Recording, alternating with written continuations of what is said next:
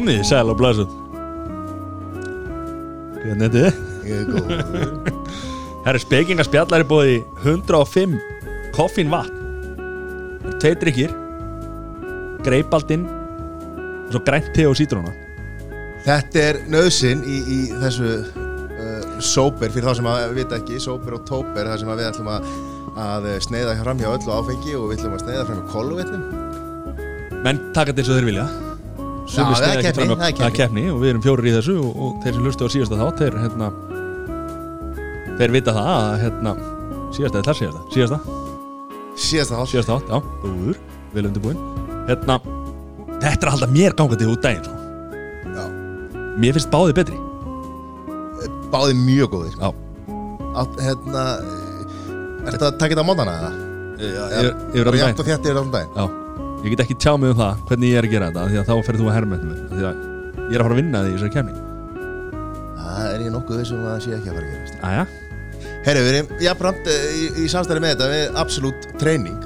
Það eru Sandra Björg sem er, að, er, að, er að rífa kallana í gang. Heldur betur. Og það er þjálfun í andlegri og líkanveri hilsu og og ekki veitir af. Ekki veitir af, það er hérna 60 mínútur, 15 mínútur fyrir í andlega, andlega hlutan og, og svo 45 í, í líkanlega, þarna nærðu klukkutíma æfingu þar sem að þú þjálfar hugan og sál nei, sálina og líkamann. Hugan, sál og líkamann. Já, heldur betur og þetta er bara, þetta er geggjað. Hvernig hérna, nú er þriðið þetta búinn. Já, ég er bara að fara mjög vel að stað. Þú er aldrei verið betri. Alveg, ég, ég er að sko, ég, talaðir um það ég er aðeins hérna. þessar keto-flensu Já, ertu á keto? Já, það er bara mitt að vita og þitt að komast að. Kannski er ég að ruggla í þér. Að Ertu konar keto? Já, ok. Eins og annarkveð maður á svo landi. Já. Shit. Herra, já, hvað hérna? Hveti fólk til þess að fylgjast með á, á Instagram síðu podcastöðurnar. Við ætlum að henda inn einhverjum, einhverjum myndum af ferlinu og, og, hérna, og leiða ykkur að fylgjast með. Já. Við mælum okkar í dag Gjöru svo vel Keflingurinn og keflingingurinn Siggadögg hefur getið sér gott orð og vakið aðtigli fyrir hispuslausa umfjöllunum kynlíf. Hún er mentaður sálfræðingur frá Háskóla Íslands en hún stundaði einnig meistaranám í kynfræði við Curtis Háskóla í Ástralíu. Undanfarið hefur Siggadögg heimsótt framhalds- og grunnskóla landsins og haldið fróðulega fyrirlestra fyrir unglinga og fóraldra þeirra. Á dögunum heimsótti Siggadögg Njarðvíkurskóla þar sem hún frætti unglinga og fóraldra þeirra um kynlíf. Sigardök, velkomin. Takk fyrir. Við þökkum Eithóri Sæmundssoni kjallaða fyrir, hérna, fyrir þessa kynningu. Það er svona í staðan fyrir að gera hann sjálfur Gott bara Hvaða rödd var þetta? Já, þetta var Eithór Sæmundsson hjá Víkufréttum Já. Uh, Mitt heima blað Já, þitt, þitt heima blað Þú Mhm. ert, ert, hérna, það kemur þetta ekki í byrjun. Þú ert kerpingur eða? Já. Og, hérna, og og fætt og uppalinn. Uh, Já, já með svona smá punktur, punktur, punktur Því að við byggum líka í Hafnafyrði sko. Bæði þegar ég var lítil og svo fluttum við til Keflækur og svo fluttum við aftur í bæinn þegar ég var unglingur. eiginlega sko. Það er mjög stutt á millið hana Já, ég það myndi að það var svolítið munur. En er vellinir eru bara eiginlega komnið til Ég er ekki vissum að haffyrringar séu bara já, keflæk, jú, við tengjumst. Ég held að sé ekki alveg þannig sko. Þannig að hérna, já, þannig að ég á mína fjölskyldu að stónluta til í keflæk og ég myndi alveg segja keflingur sko, en var samt mjög mikið í bænum líka Já, ég fættir á, sjúkurhásunni Keflavík. Mm. Bjóð það til fimmar aldurs. Að komið sjúkur á þá? Bjóstu á sjúkrásum til fimm ára? Bjóð í Ég hafði mikla ákveð, ég var bara bákost veikt barn. Mamma og pappi gleymdi mér á spítalar Já, nákvæmlega. Já, ég, ég meina, og það er sko, maður verður eiginlega að segja ef þú elst upp í keflag, það er ákveðin menning þar sem að fólk sem er ekki það hann skilur ekki og á erf með að setja sig inn í og ég held að ég hafi einmitt alveg upp þar til að svona, veist, ég held að ég hafi verið undibúin fyrir það að verða kynfræðingur að því að ég ólst upp þar að skilja ákveðna hluti Hvernig það? Fyrir auðvitað það að vera að slást að börum Hvað er hérna? það er náttúrulega, veist, það er köruboltamenning þar og svo er kanamenning Já. og það er bara rosa áhugaverð blanda að vera alltaf að fá svona nýtt og fest blóðin í bæjarfélagið mikill hiti á köruboltaleikjum nóg til að horfa þetta á stað þess að vera einhvern veginn, þú veist, eins og sumir sem er eitthvað svona í fótboltastrákunum þá varst einhvern veginn úti í skýta kulda horfandi á einhverja gauðra þannig ertu bara í vel upphitu íþróttahúsi Já horfandi á svona En það er ekki handbólt Hvað? að var en uh, er ekki til að tala um í dag sko Nei. Varst að fara á völlin og fara á karnival og fá skýtles og. M&M og allt það þegar það var bannað á Íslandi? Vendís, allt. Já, Já, já, og, og sko mamma vann hjá hérna hernum, eða sem sagt vann hérna í búðinni upp frá þannig að við áttum alltaf Oreo og þú veist mamma kom alltaf svona sem í ólétt heim úr vinnunni og svo bara svona lift upp peysun svo bara þetta kefti ég, þetta kefti ég, þetta kefti ég. Það var geðveikt sko, það var ógeðslega gaman. Það var mjög auðvelt að kaupa sér vinsældir. Ef maður átti amrist góss heima á sér Já, Þetta, sko, M&M og skýtles var hægt að fá, var ekki hægt að fá það í fríöfninu hugsaðlega líka. Jó. Það var svo geggjað að fá það. En það var Evrost M&M, við þekkjum munin á amrísku Evrosko M&M, rættu þetta við keflinging, munin á M&M Ok, ég vissi, vissi það ekki. Er það svo kókaböss þegar, hérna, þegar kostur var þegar það var til að það, það var með ameríska kókabössi mm. Við þekkjum þetta. Við, og, og það er eitt svona keppvist það er að fara mikið til bandaríkjana og kaupa þar morgun kotn og alls konar matvöru. Þú veist, í mörgum keppviskum ískópum er bara amrísk matvara að því að fólki þykir þetta svo sjálfsagt þú veist, og okkur varst bara að hneysa að það væri hérna einhver íslenskur rjómaostur. Það var ekki fyrir að Philadelphia fór að fásta fólk eitthvað svona, ja, hér er rjómaostur. Þetta er mjög sérstakt, sko. Er Evrópa þá að skemma allan góða ameríska mati með því að vera með einhverjar evrópskar útkáður? Ég held að keppla ekki sé um hverju sérstað, sko Ég held að við séum ekkert að hlusta á þetta. Við erum bara eitthvað whatever. Er, erum við ekki samt að tala um að evrósku matur er bara betri heldur en amerísku matur eða? Ég held að sé að það er erfitt að fyrir eftir hvað það er. Ég veit það ekki, sko. Ítölsk pizza er miklu betri heldur en amerísk pizza til dæmis. Uh, já, já, ef þú vilt. Þú verður ekki sammála því. Nú, nú ert þú mikill Mattias Já. Átt, átt hérna, sýstur úti og, og hefur búið þar í einhver tíma og svona. Og þú ert miklu meiri kani heldur en heldur en hérna, Já, ég, ég er að segja að samt að það er betri matur Það fyrir eftir hvað maður er að borða. Að fer eftir hvað maður er að borða. Og stundum ef mann langar bara í pínu svona að verða meðutundulösa mat þá er ameríska leiðin betri. En þú veist, Foot long, long chili cone maður með pulsa sem er foot long. Oh, og Sonics já, ég er nefnilega ég er ekki alveg svona mikið sökk, sko. Ég, veist, og pulsa á, á, á priki það, það kom ekki til Íslands og það er líka bara alltaf á mjög skrítið, djúbstegt pulsa á priki eitthvað svona húðið með einhverju brauð, það er mjög skrítið já, veist. pulsumenningin er, er sérstaklega í Íslandi. Það er náttúrulega hérna, uh, það er náttúrulega hérna, villi í Keflæk oh, vilja bestur. Gekkjaður og svo er, er, er pulsuvagnin á, á Selfossi sem er líka svona fínn. og svo eru akureyringar með bara skrýtna pulsur. Það er bæjarins bestu voru að loka aðgurinn nú okkur, Við fórum með hérna vagnisinn já, á Ráðstorkið eða eitthvað hana og voru að loka núna. Ha? Já, voru að loka núna og hérna ætla ekki að fara aftur fyrir, ætla að skoða næsta sumar ekki að vera mópiðan í vetur. Það er að því að þetta þarf að vera sko með frönskum og, Rauðkáli. og, og rauðkáli og eitthvað svona þetta. Já, menni allt stöð, en það er líka svolítið í keflæk, sko. Þú, þú getur fengið, sko, þú fær hambúrgara villaborgara, þá ertu að fá eiginlega allt sem er á pulsu á hambúrgara, plús og rauðkál og súr og gúrkur, það er svakalegt. Ég fæ með villaborgara mínus, nei bara með tómatsinn og steiktum sko. já, nákvæmlega, eins og pulsuna hérna. Það já. fæ ég mér yfirleitt tvo ég er eiginlega bara eitthvað að detta í svona baunadæmi, við vorum í gerð bara að gera sveppa og baunaborgara og fyndi að því að maður með fyrir svona kannski sjö árum hefði ég sagt, heyrðu, ég er að spáði hérna ef að gera sveppa og baunaborgara. Hann hefði bara verið blessuð mátt bara eiga hennan sem baunir. En svo í gæri var hann bara rúsalega spenntið fyrir svona bauna og sveppaborgara. Ég eitthvað, er það ekki bara? Þannig að þú veist, það er svona viðsnúningur á heimilinu í þessu sko. þú búin að ná sem að hérna, takmarkinu hjá, hjá öllum konum, það er að breyta mönnunum sín Nei, mér er alveg sama sko. Hann má bara vera eins og hann vill vera og ég má vera eins og ég vill vera en, en þú veist, þetta er svona vil, viltu, þetta er í bóði, þú veist, ef þú er áhuga ég get ekki að kefta hann það er hakk eða þú má fá þér þins eigins, hvað sem það er. En þú veist, það er alveg öðru sem matur þegar ég er ekki heima, ég segi það ekki, þegar hann elda fyrir börnin, það er alveg annað en þegar ég elda fyrir fjölskyldunum sko. En svo náði ég bara líka í mann sem er svona ruslakista með mat, þú veist, hann bara borðar allt það bara orðið gikkur næri ekki fyrir hann og hann veit að ég er miklu svona erfiðari með mat þannig að það er eitthvað já, já, já, já, ekkert já, já. Og veist, pappi minn er kokkur þannig að hann elskar að, veist, matrið eitthvað ofan hana því að veist, hann er alltaf til í allt. Þannig að hérna, það er alltaf alltaf veistla hjá tengdó, hjá honum. Já, mamma og pappi, þeim leiðist ekki að elda hana og ég, eins og ég segi, ég er miklu erfiðar mér erst vond lyktin að hrygg, mér erst hryggur viðbjöður, bara ógeð. Og ég bara kúast yfir lyktin meðan hann Hamburger ykkur líka Æ, veist bara, finnst, ég bara er ekkert óslega mikið fyrir kjöt og þá er óslega gaman, veist, ég náði mér eiginlega svona í maka.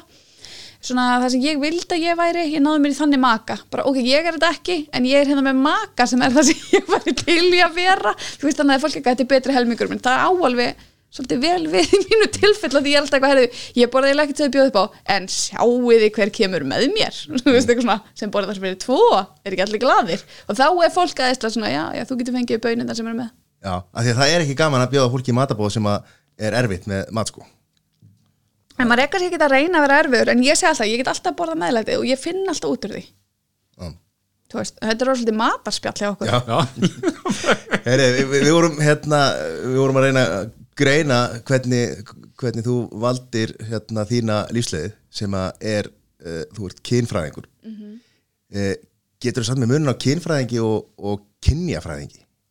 Já, kynjafræðingur er kannski meira að skoða eins og mm, eigum að segja ákveðin valdakerfi og ákveðin struktúr og er meira að pæla í þessum uh, kannski kynjamuninum eða, oh, ég kemur sér ekkert almennilega frá mér, er eins og í feminisma og er í þessum hugtökum öllum og réttindabartu minnilegt að hópa og, og það er bara eiginlega allt annar fókus meðan að kynfræðingur er eiginlega bara svolítið mikið í sexinu sko og er ekkert mikið að pæli hver stund á það eða hvernig, þú veist það er meira bara svona allir geta komið að kynlífinu og allt flokkast í gegnum kynlífi. Kynjafræðin er miklu stærri veist, hún er einhvern veginn miklu stærra fag fyrst mér og getur tekst inn í allt og þær tengjast þessar tvær.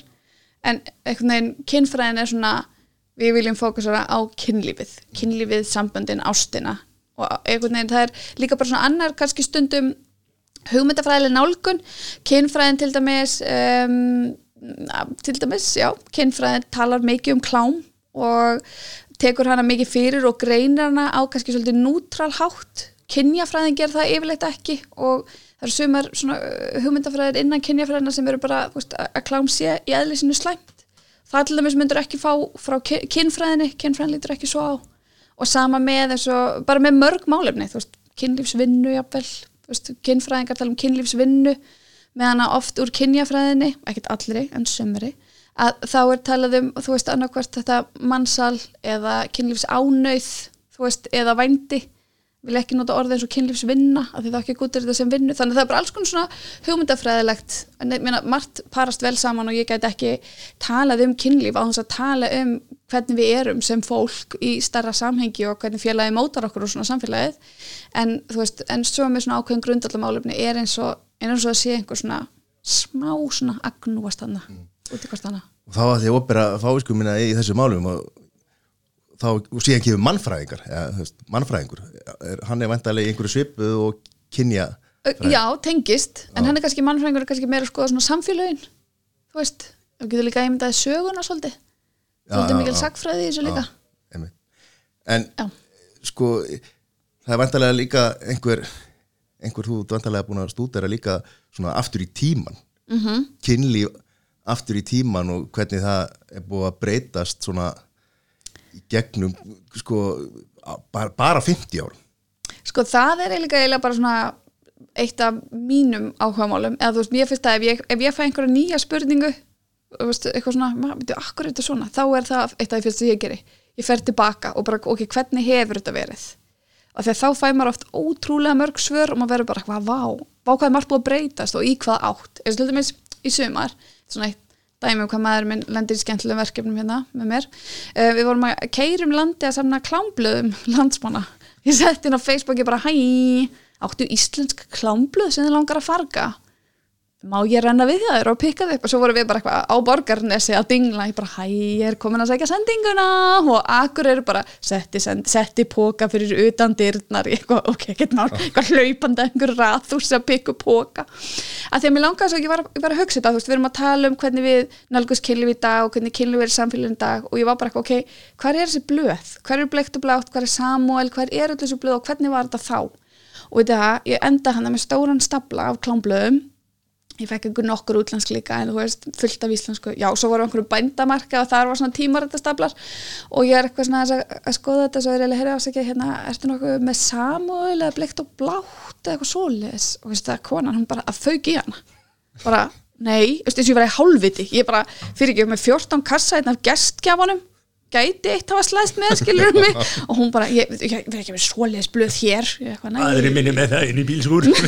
Bara einmitt eitthvað, látum það ekki af hendi þetta er gerðsemi en, og, og þá fann ég þegar ég fór að fletta þessum blöðum þetta eru blöð frá sko þau eru að vera 20 ára gömul. Þetta er eitna, síðustu aldamót. Þú veist, þetta er 90 og eitthvað 2000 þetta er ekki eldra og ég fekk bara guð, ég fekk bara svona herra guð, þú veist, ég var alveg svona að fletta þessu og ég er líka, jú, hann er bara á limnum hérna, þú veist. Þannig að það er líka fyndið þegar fólk er alltaf að segja við sem, svona klánsýrð og þetta svo allt, ef þú ferða eins tilbaka þá er þetta bara, nei, við vorum í allt öðrum málum, gagvart nekt og gagvart líkamónum og ég var einmitt að fjalla um þetta um, og svona get ég ekki tekið mynda þess að setja á samfélagsmiðla, veist, það er ekkit gaman að lenda oft í banni. Og þú mátt bara lenda x oft í banni, þá lendur ég anþá mér að vesinni þannig hérna uh, ég var með fyrirlastur um þetta í fyrra um nekt og fjölmiðla og, og nekt og stemmingu í kringum nekt á Norðurlöndunum og hvað hefur breyst og svona. Og varum þetta að rýna þá tilbaka hvernig var þetta þegar við vorum krakkar og við 20 árum, 30 árum og, svona. og, hérna, og þetta var, vakti rosa aðtikli á Norðurlöndunum. Og það var byrt greinum þetta í norskum fjölmiðlum og í, og í finskum og bara kommentakerfið kerfið bara það, það fylltist. Þegar fólk fór bara ótrúlega mikið að tala um þetta bara já, emmitt við erum búin að breytast alltaf mikið, það er verið að segja okkur að við séum eitthvað svona klámsýrð innan gæðsalapa en við erum orðin þvílíkt íhaldsum eins og með líkamann. Þú veist, þetta er rosa skrítið. Það er rosa, við erum, við erum rosa fyndið. Við erum rosa skrítnum tímum, hvað það var þar komið meira tilbaka heldur en Já. þetta var. Já, Já, ég held, ég held ymmit að það væri öfugt Mhm. að, að það væri orðið opnara og meira í umræðinni núna á síðustu 15 árum heldur en eða 10-15 árum heldur en þetta var. En það er kannski bara ekki rétt. Nei, þetta er meira í umræðinni, það er meira pláss fyrir þetta í fjölmiðlum. Og í ofinberi umræði þá er meira pláss fyrir kynlíf og það er öðruvísi talað um það. Og ég fagna því alveg, það var miklu meira einhvern veginn svona að maður upplýði meiri gretta og það var meira bara svona eitt sem lifðist, þú veist. Núna er í búði miklu meira og mér finnst oft faglegra og fallegra talað um það, ég segi það ekki. En það var einhver þegar ég var að fletta þessu bleðum það var einhver gleði í því að þú veist, mm, sjómenn á grundarferði gerðu bara eitthvað dagatal þar sem þeir var einhvern veginn á sprellanum í sláturhúsinu eða hérna í fiskvinnsluhúsinu með einhverja svundur og veist, ég veit það ekki, ég var alveg ógæntið skemmtilegt að fyrir eitthvað rassinum í stígvilum og með einhverja hanska og eitthvað. Gulli slægir meira en fisk. Eitthvað svo ég var alveg, oh my god þetta var bara til sölu.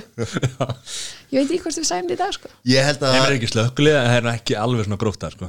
Slökkulið er alltaf að selja Já, það það er bara byrja ofan ekki? Já, það er svolítið sixpackin sem selur þar. Já. þarna voru það, það var ekki sixpackana Nei, Það bara, bara- búban og, og, og já, rassin já, bara góður íslenskur skrokkur. En þetta eru gróf brot á, á lögum um aðbúna og hotlustu þetta á vinnustöðum að vera á, á bibbanum að það sko, hann, hann getur lent á færibandinu og þá fer hann af sko Já, þeir voru ekkert alveg, skiluru, ekkert, ekkert svoleið, en það var, allt í nú að bara eitthvað svona, einhver kynlífsmynda þáttur sem var tekin upp á, sko, pabbi minn var með Hotel Borg og það tekið upp bara á skrifbornans, skiluru, ég fekk bara, byttu, byttu, bara hér, hvað er að gerast hérna, þú veist, það, það var eitthvað bara, þessi stemming er ekki lengur, ég, veist, ég er ekki við sem var pláss fyrir þetta í dag. Nei, það búið að reyna þetta, það var nú í fyrra hitti fyrra, það var einhver, einhver vegstæði eða einhver búð sem að, var með músamóttu íslensku af einhverjum svona, svona fremur frá, fáklættum konum sko og var að selja það sko. Já, hann er ekki alveg sama, þarna komum líka inn í kynjafræðan, það er ekki alveg sama hvort það séu konur eða hvort það séu kallar, sko.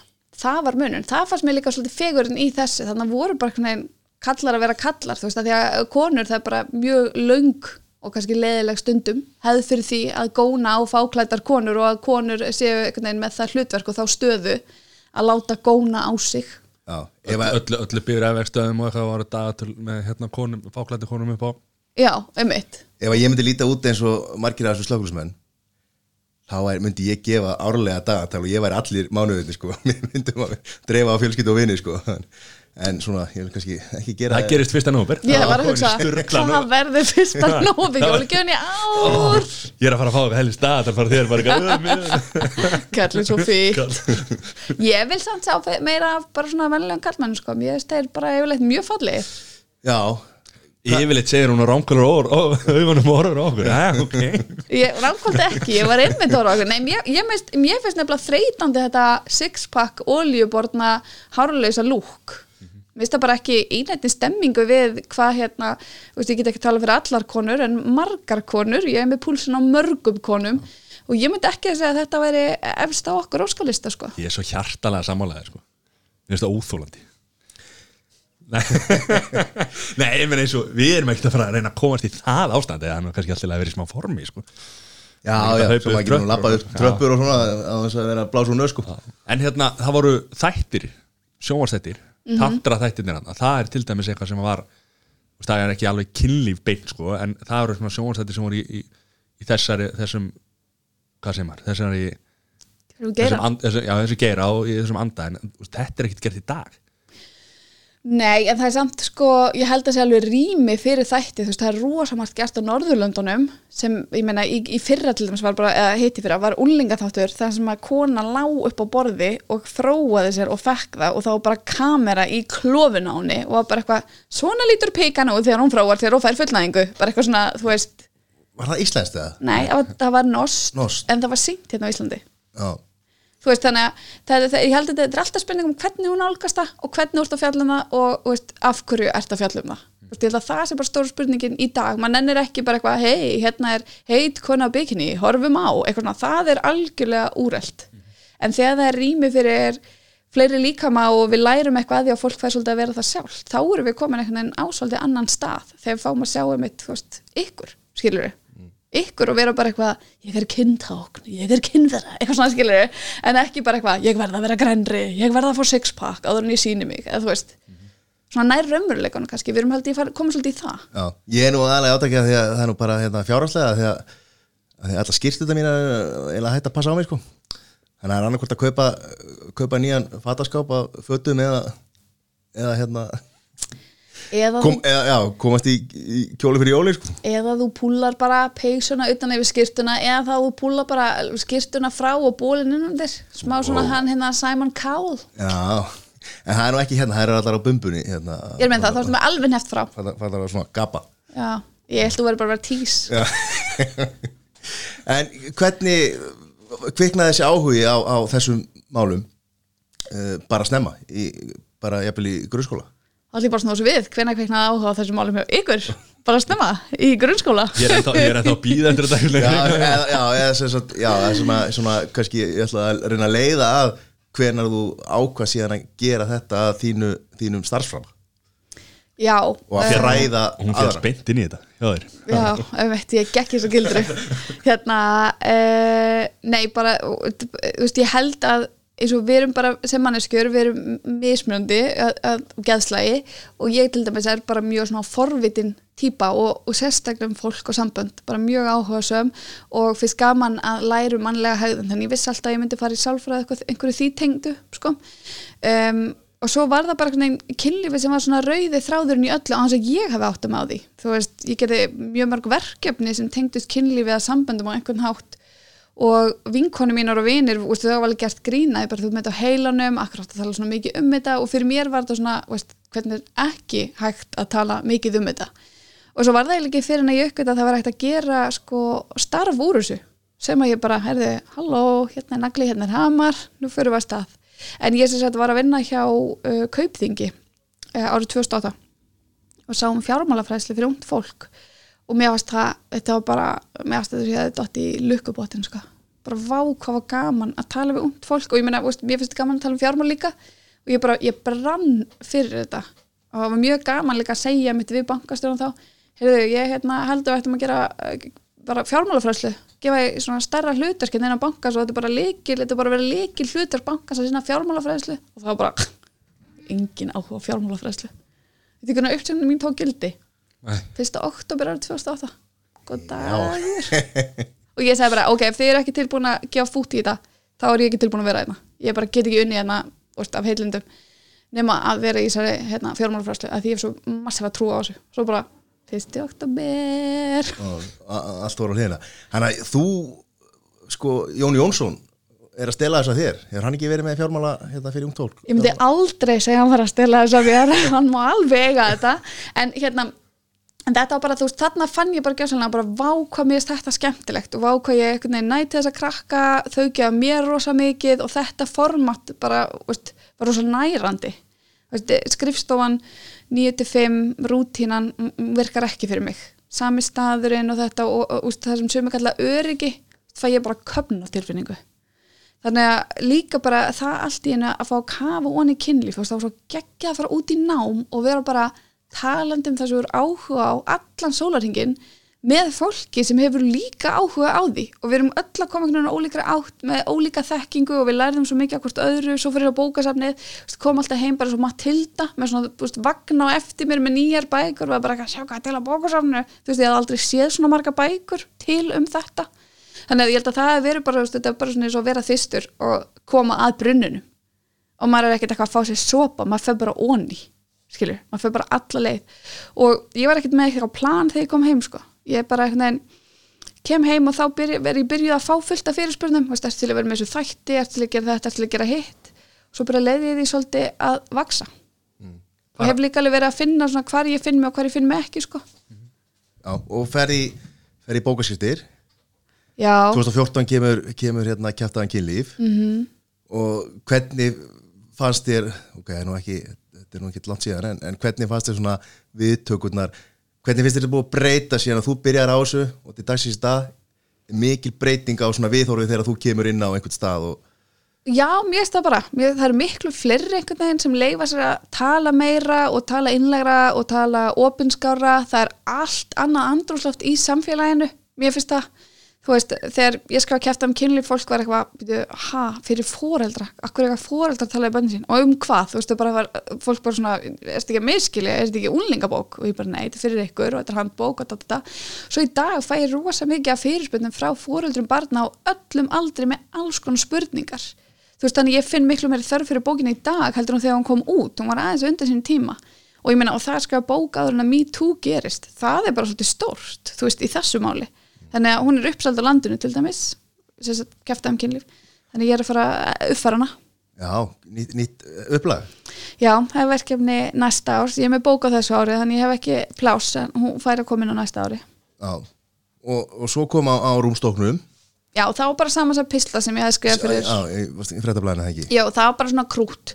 Það var eiginlega meira bara fyrir sjálfum mig sko. Já, það, það var, var hérna var, var það ekki meira að það varst að svara vandamálum, spurningum og, og, og svona. Jú, ég skrifaði pistla og, hérna, og svaraði spurningum. Og það er bara held í ferill sem að margir byrja í, í fjölmiðlum, þá fær líka tilfinningu fyrir manneskinni, hvernig skrifar hún, hvernig er hún, fyrir hvað stendur hún og þess aftar og ég held að enginn hafi skrifað jafn oft snýpur, ofinbarlega eins og ég, veist, og ég gerði það svona sem leik hjá mér stundum, að koma snýpnum að í hverju hverju einasta pisli, saman þá tengdist ekki neitt, ég bara, hlýt ná, ég það snýpnum að hérna, finnum eitthvað leið, eitthvað svona, þú veist, þannig að hérna, þannig ég held að veist, veginn, það voru svo margir sem að voru hrifnir af þessu pislum og þótti væntum þá.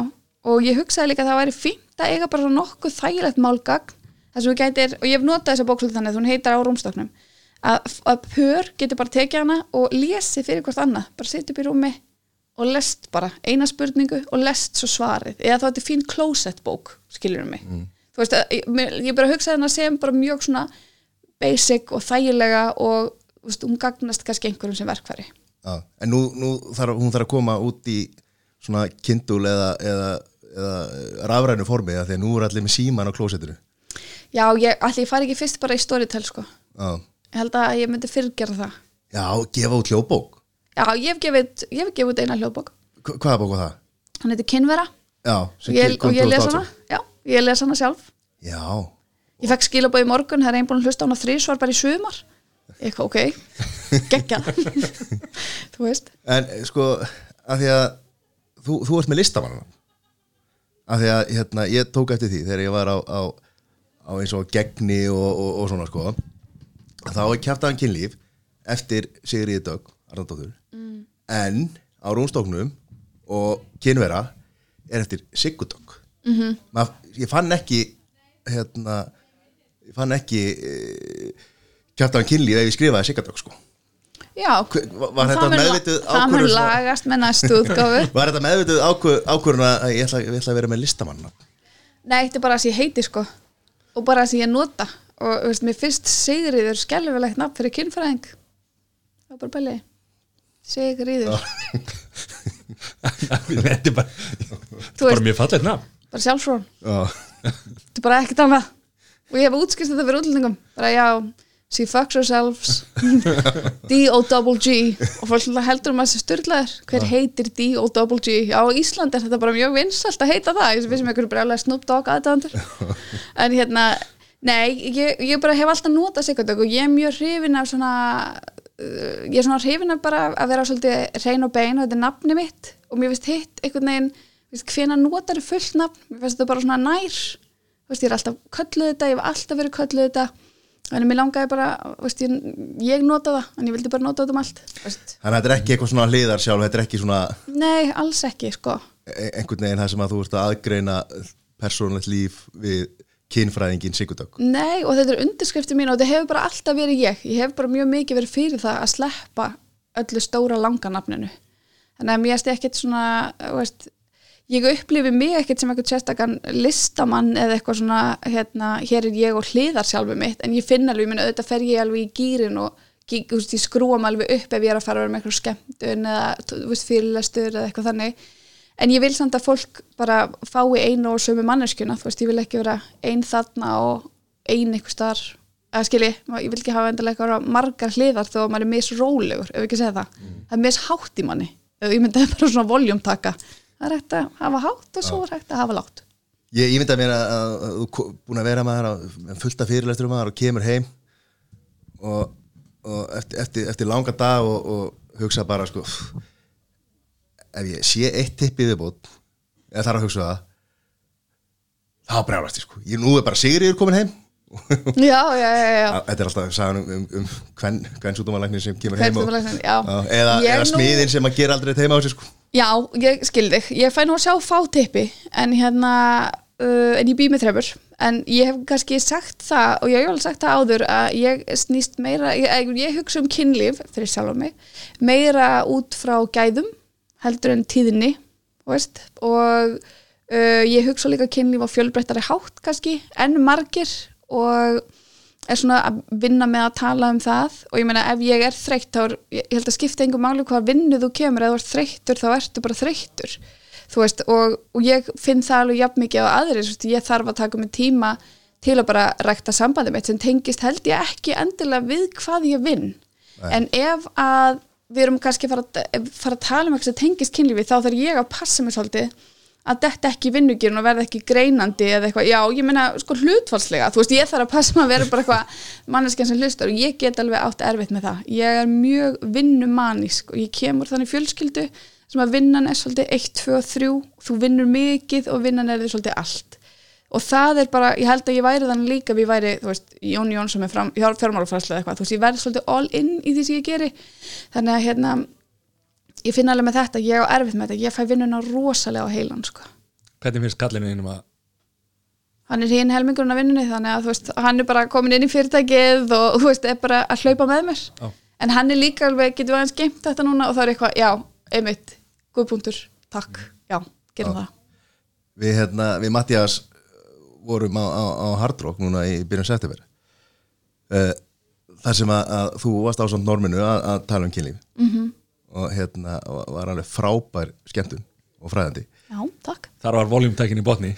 Já, hann þarf að vera í botni á svoleiðis. Alveg klálega Það, mér, mér var svo skemmtileg sagan hérna þegar að, þegar að maður var aðstofað við rítgerra já, hvað greið, veist, í alvörunni það að lappa heim úr skóla og hann bara, ég get, getur við bara að fara í göngutúr? Bara, hún, hún fjallaði sérst um, um hérna uh, hvað heitir þetta á íslensku? e, bara saflát Saflát, já og hérna, eða, eða Skvört. skvört á ensk, enskri tungu og hérna, og ymmit hvað hérna, Hann var að reyna að photoshopa þarna út píku í miðri skvörtsenu sem við stálum úr einhverju klámmimbandi á netinu svo ég geti fengið að fyrir fyrirlestur minn og svona aðeins að vera útskýra og tala um vökvamagn en það mátti ekki sína píkuna þú veist þannig að hann var hann að reyna að passa að halda í vökvan hann var heldist en ekki hvaðan hann kom og hann var eitthvað að afmá þetta út og hann er veist, góður í Photoshop eða hann vinnur við það. Þannig hérna, það var mjög svona og svo einmitt að labba inn í svona þetta var svo, var svo yktar stunur skilur mig. Og hann bara búin að skrúa það niður og einmitt var að hlusta á Chicago eða eitthvað álugaf, bara ég get ekki meira þessu, þú maður eins og svona gekk geltandi chihuahua hundur eða eitthvað, þetta var ræðilegt og ég var alveg, takk, kann að meta það? Vist, og við erum bara svolítið í þessum daginn vorum við að gera plakkat sem að meta sinni meter sem fjallaði um túr og á því voru bara alvöru túrmyndir og ég bara, þetta geggja, þetta svo göðvögt og finnst þetta ekki skemmtilegt? Og hann eitthvað svo skemmtilegt skemmtilegt er kannski ekki orðið sem ég myndi nota og það var bara með svona túrslettur á skjánum og ég var alveg, já hvað orðið myndi þú nota? Hann eitthvað ég við getum kannski sagt þetta ég eitthvað, já, ég sagði, þú hefur kannski aldrei séð svona mikið af túrblóði. Hann eitthvað, minna. Og þú veist, ég bara svona já, einmitt, alveg rétt. Þannig að hann tekur þátt í öllu sem þú tekur yfir hendur og, og hérna og svona, er, til, er svona tilbúin í þetta Já, hann er það, hann er rosa mikið og ég held að það hefur eitt að þessi heilast við hann þegar við byrjum að hittast, hann er rosa mikið ekkert mál. Þú veist, ég á til að miklu liti fyrir mig stundum og gera eitthvað svona, ó nei, þetta er vesen, þetta er mikið mál, er þetta dýrt? En hann er bara eitthvað, nei, nei, það er ekkert mál. Þú veist, og ég hrýfst rosa af því við þorfi, svona, ekkert mál. Og bara, við finnum bara lausna á þessu. Þú veist, það er tíman sem ég vil vera. Hann er hérna, að mjög stað mjög það mjög aðlandi að vera svona jákvæð típa sem bara eitthvað, já, við rettum þessu. Veist, íslenska viðhorfi en samt með ábyrð, þú veist, ekki bara an út í eitthvað, heldur bara skoðum þetta og finnum út úr þessu. Ekki eitthvað innan tómt tal. Nei, alls ekki. Og ég held sko að ég veit ekki, ég er ekkert viss að því að við kynnumst sem sagt, eh, við kynnumst bara einhverju hálfu ári en ég ákvað að fara í þetta nám.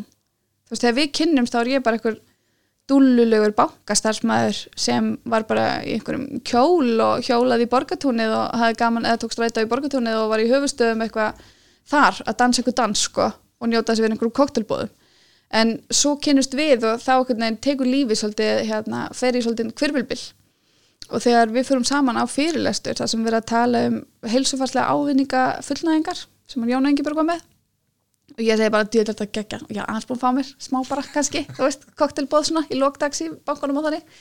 Og ég er bara dýrlega þetta geggja, maður spáði vinna bara við þetta, hann er eitthvað, já, geggja og ég er eitthvað, ég er spáði að gera þetta. Hann er hvað? Ég ætla bara að gera þetta, ég ætla bara að vinna svona. Já, ok, og hvernig er að gera það? Ég veit ekki, ég ætla að spura hana, góðu þú veist, svo bara að henni, ég, hvað, hvað, hvað segir þú bara, hérna, að að, þú veist, að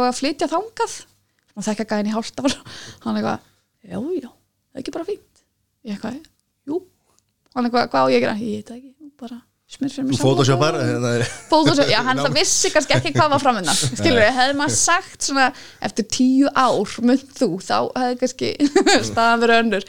En þú veist, nei, hann er bara ótrúlega mikið veist, hann er ekki komin já mikið inn í þetta og ég, skilur hann er ekkit að liggja yfir einhverju greinum og googla en ef ég segi við hann, herðu það er hérna einn kristalltitrari, ég þarf eiginlega að fá að vita hvernig virkar, ég veit ekki hvort ég ætta að skoða eitthvað, ég þarf að fjallum hann, nennar á pantan þá fyrir hann alveg máli og kannski rannsakar munin á ólíkum kristalltitrum eða eitthvað skilur og er svo bara hvað hefði ég búin að panta hann á leiðinni heim. Þannig svona ókslega góður í að græja svona hluti sem ég er svona, já, aði, cool. Þannig ég stundum hugmyndin og hann er svolítið framkvæmdin sko. gott. En í Ástralíu, fannst þér öðruvísi viðhorf Ástrala til til kynlýs og að tala um það og, og svona heldur en Íslendingar? Sko ástralir eru svolítið e, breytar þeir eru svona kallmennsku sterabrettar þeir eru svona pallbílar alltaf að grilla í, veist, sorry, þetta er bara staðalmyndin, hún bara sönn. Ég sá það bara, svolítið eitthvað svona mikið í björnum og skál, sk- skála og svona dúttamenning, mikil dúttamenning. Þannig að maður finnur það alveg. Mér veist þau svolítið eftir á með sumt en það skiptir líka máli hvar maður er í Ástralíu og framalega með annað þú veist, þannig að menningin var, hún var mjög ólík því sem við höfum að vennast á Íslandi að mjög, mjög mörgu leiti þetta er svo líkast þú veist, á stað þar sem að menningin er bara ógeðslega gömul en samt ógeðslega ný að þú ert með bara innflytjendur. Hvar varstu í Ástralíu? við vorum í Pörð, við vorum hann á Östurströndinni mm ekki Östur, Vestur, Vesturströndinni. Vá, datt út.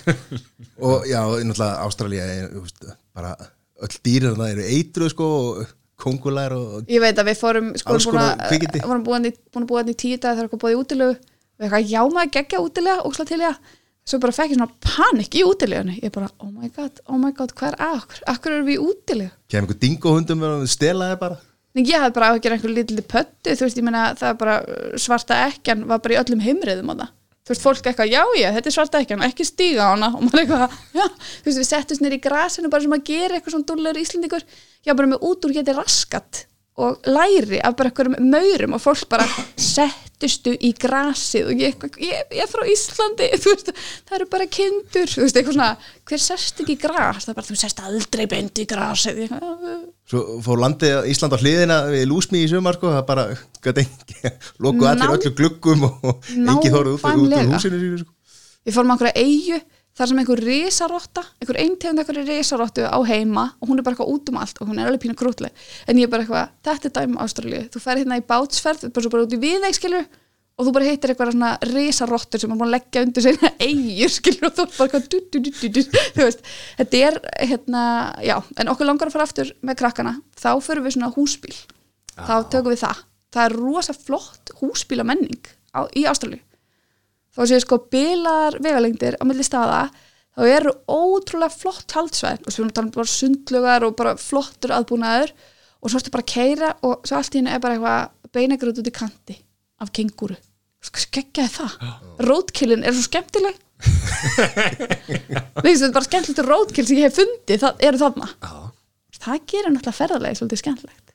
Já, þannig að þú vilt fara með og taka þá einhvern fara hringvegin, nú er ansi lengi að fara hringvegin að það en Já, ég held að það sé gægt. Já. Ég held maður myndi taka, þú veist, eitthvað svona bút og bút og svo fljú á milli. Þannig að þú myndi svona leia, þú veist, bíl þarna í kannski, þú veist, þú tekur það kannski allavega mánuði þetta, en svo kannski með bíl þarna í viku tíu daga og svo bíl þarna og já, passa sig að vera með fulla bíla bensína þegar það er svo langt á næstu að það að komi sko.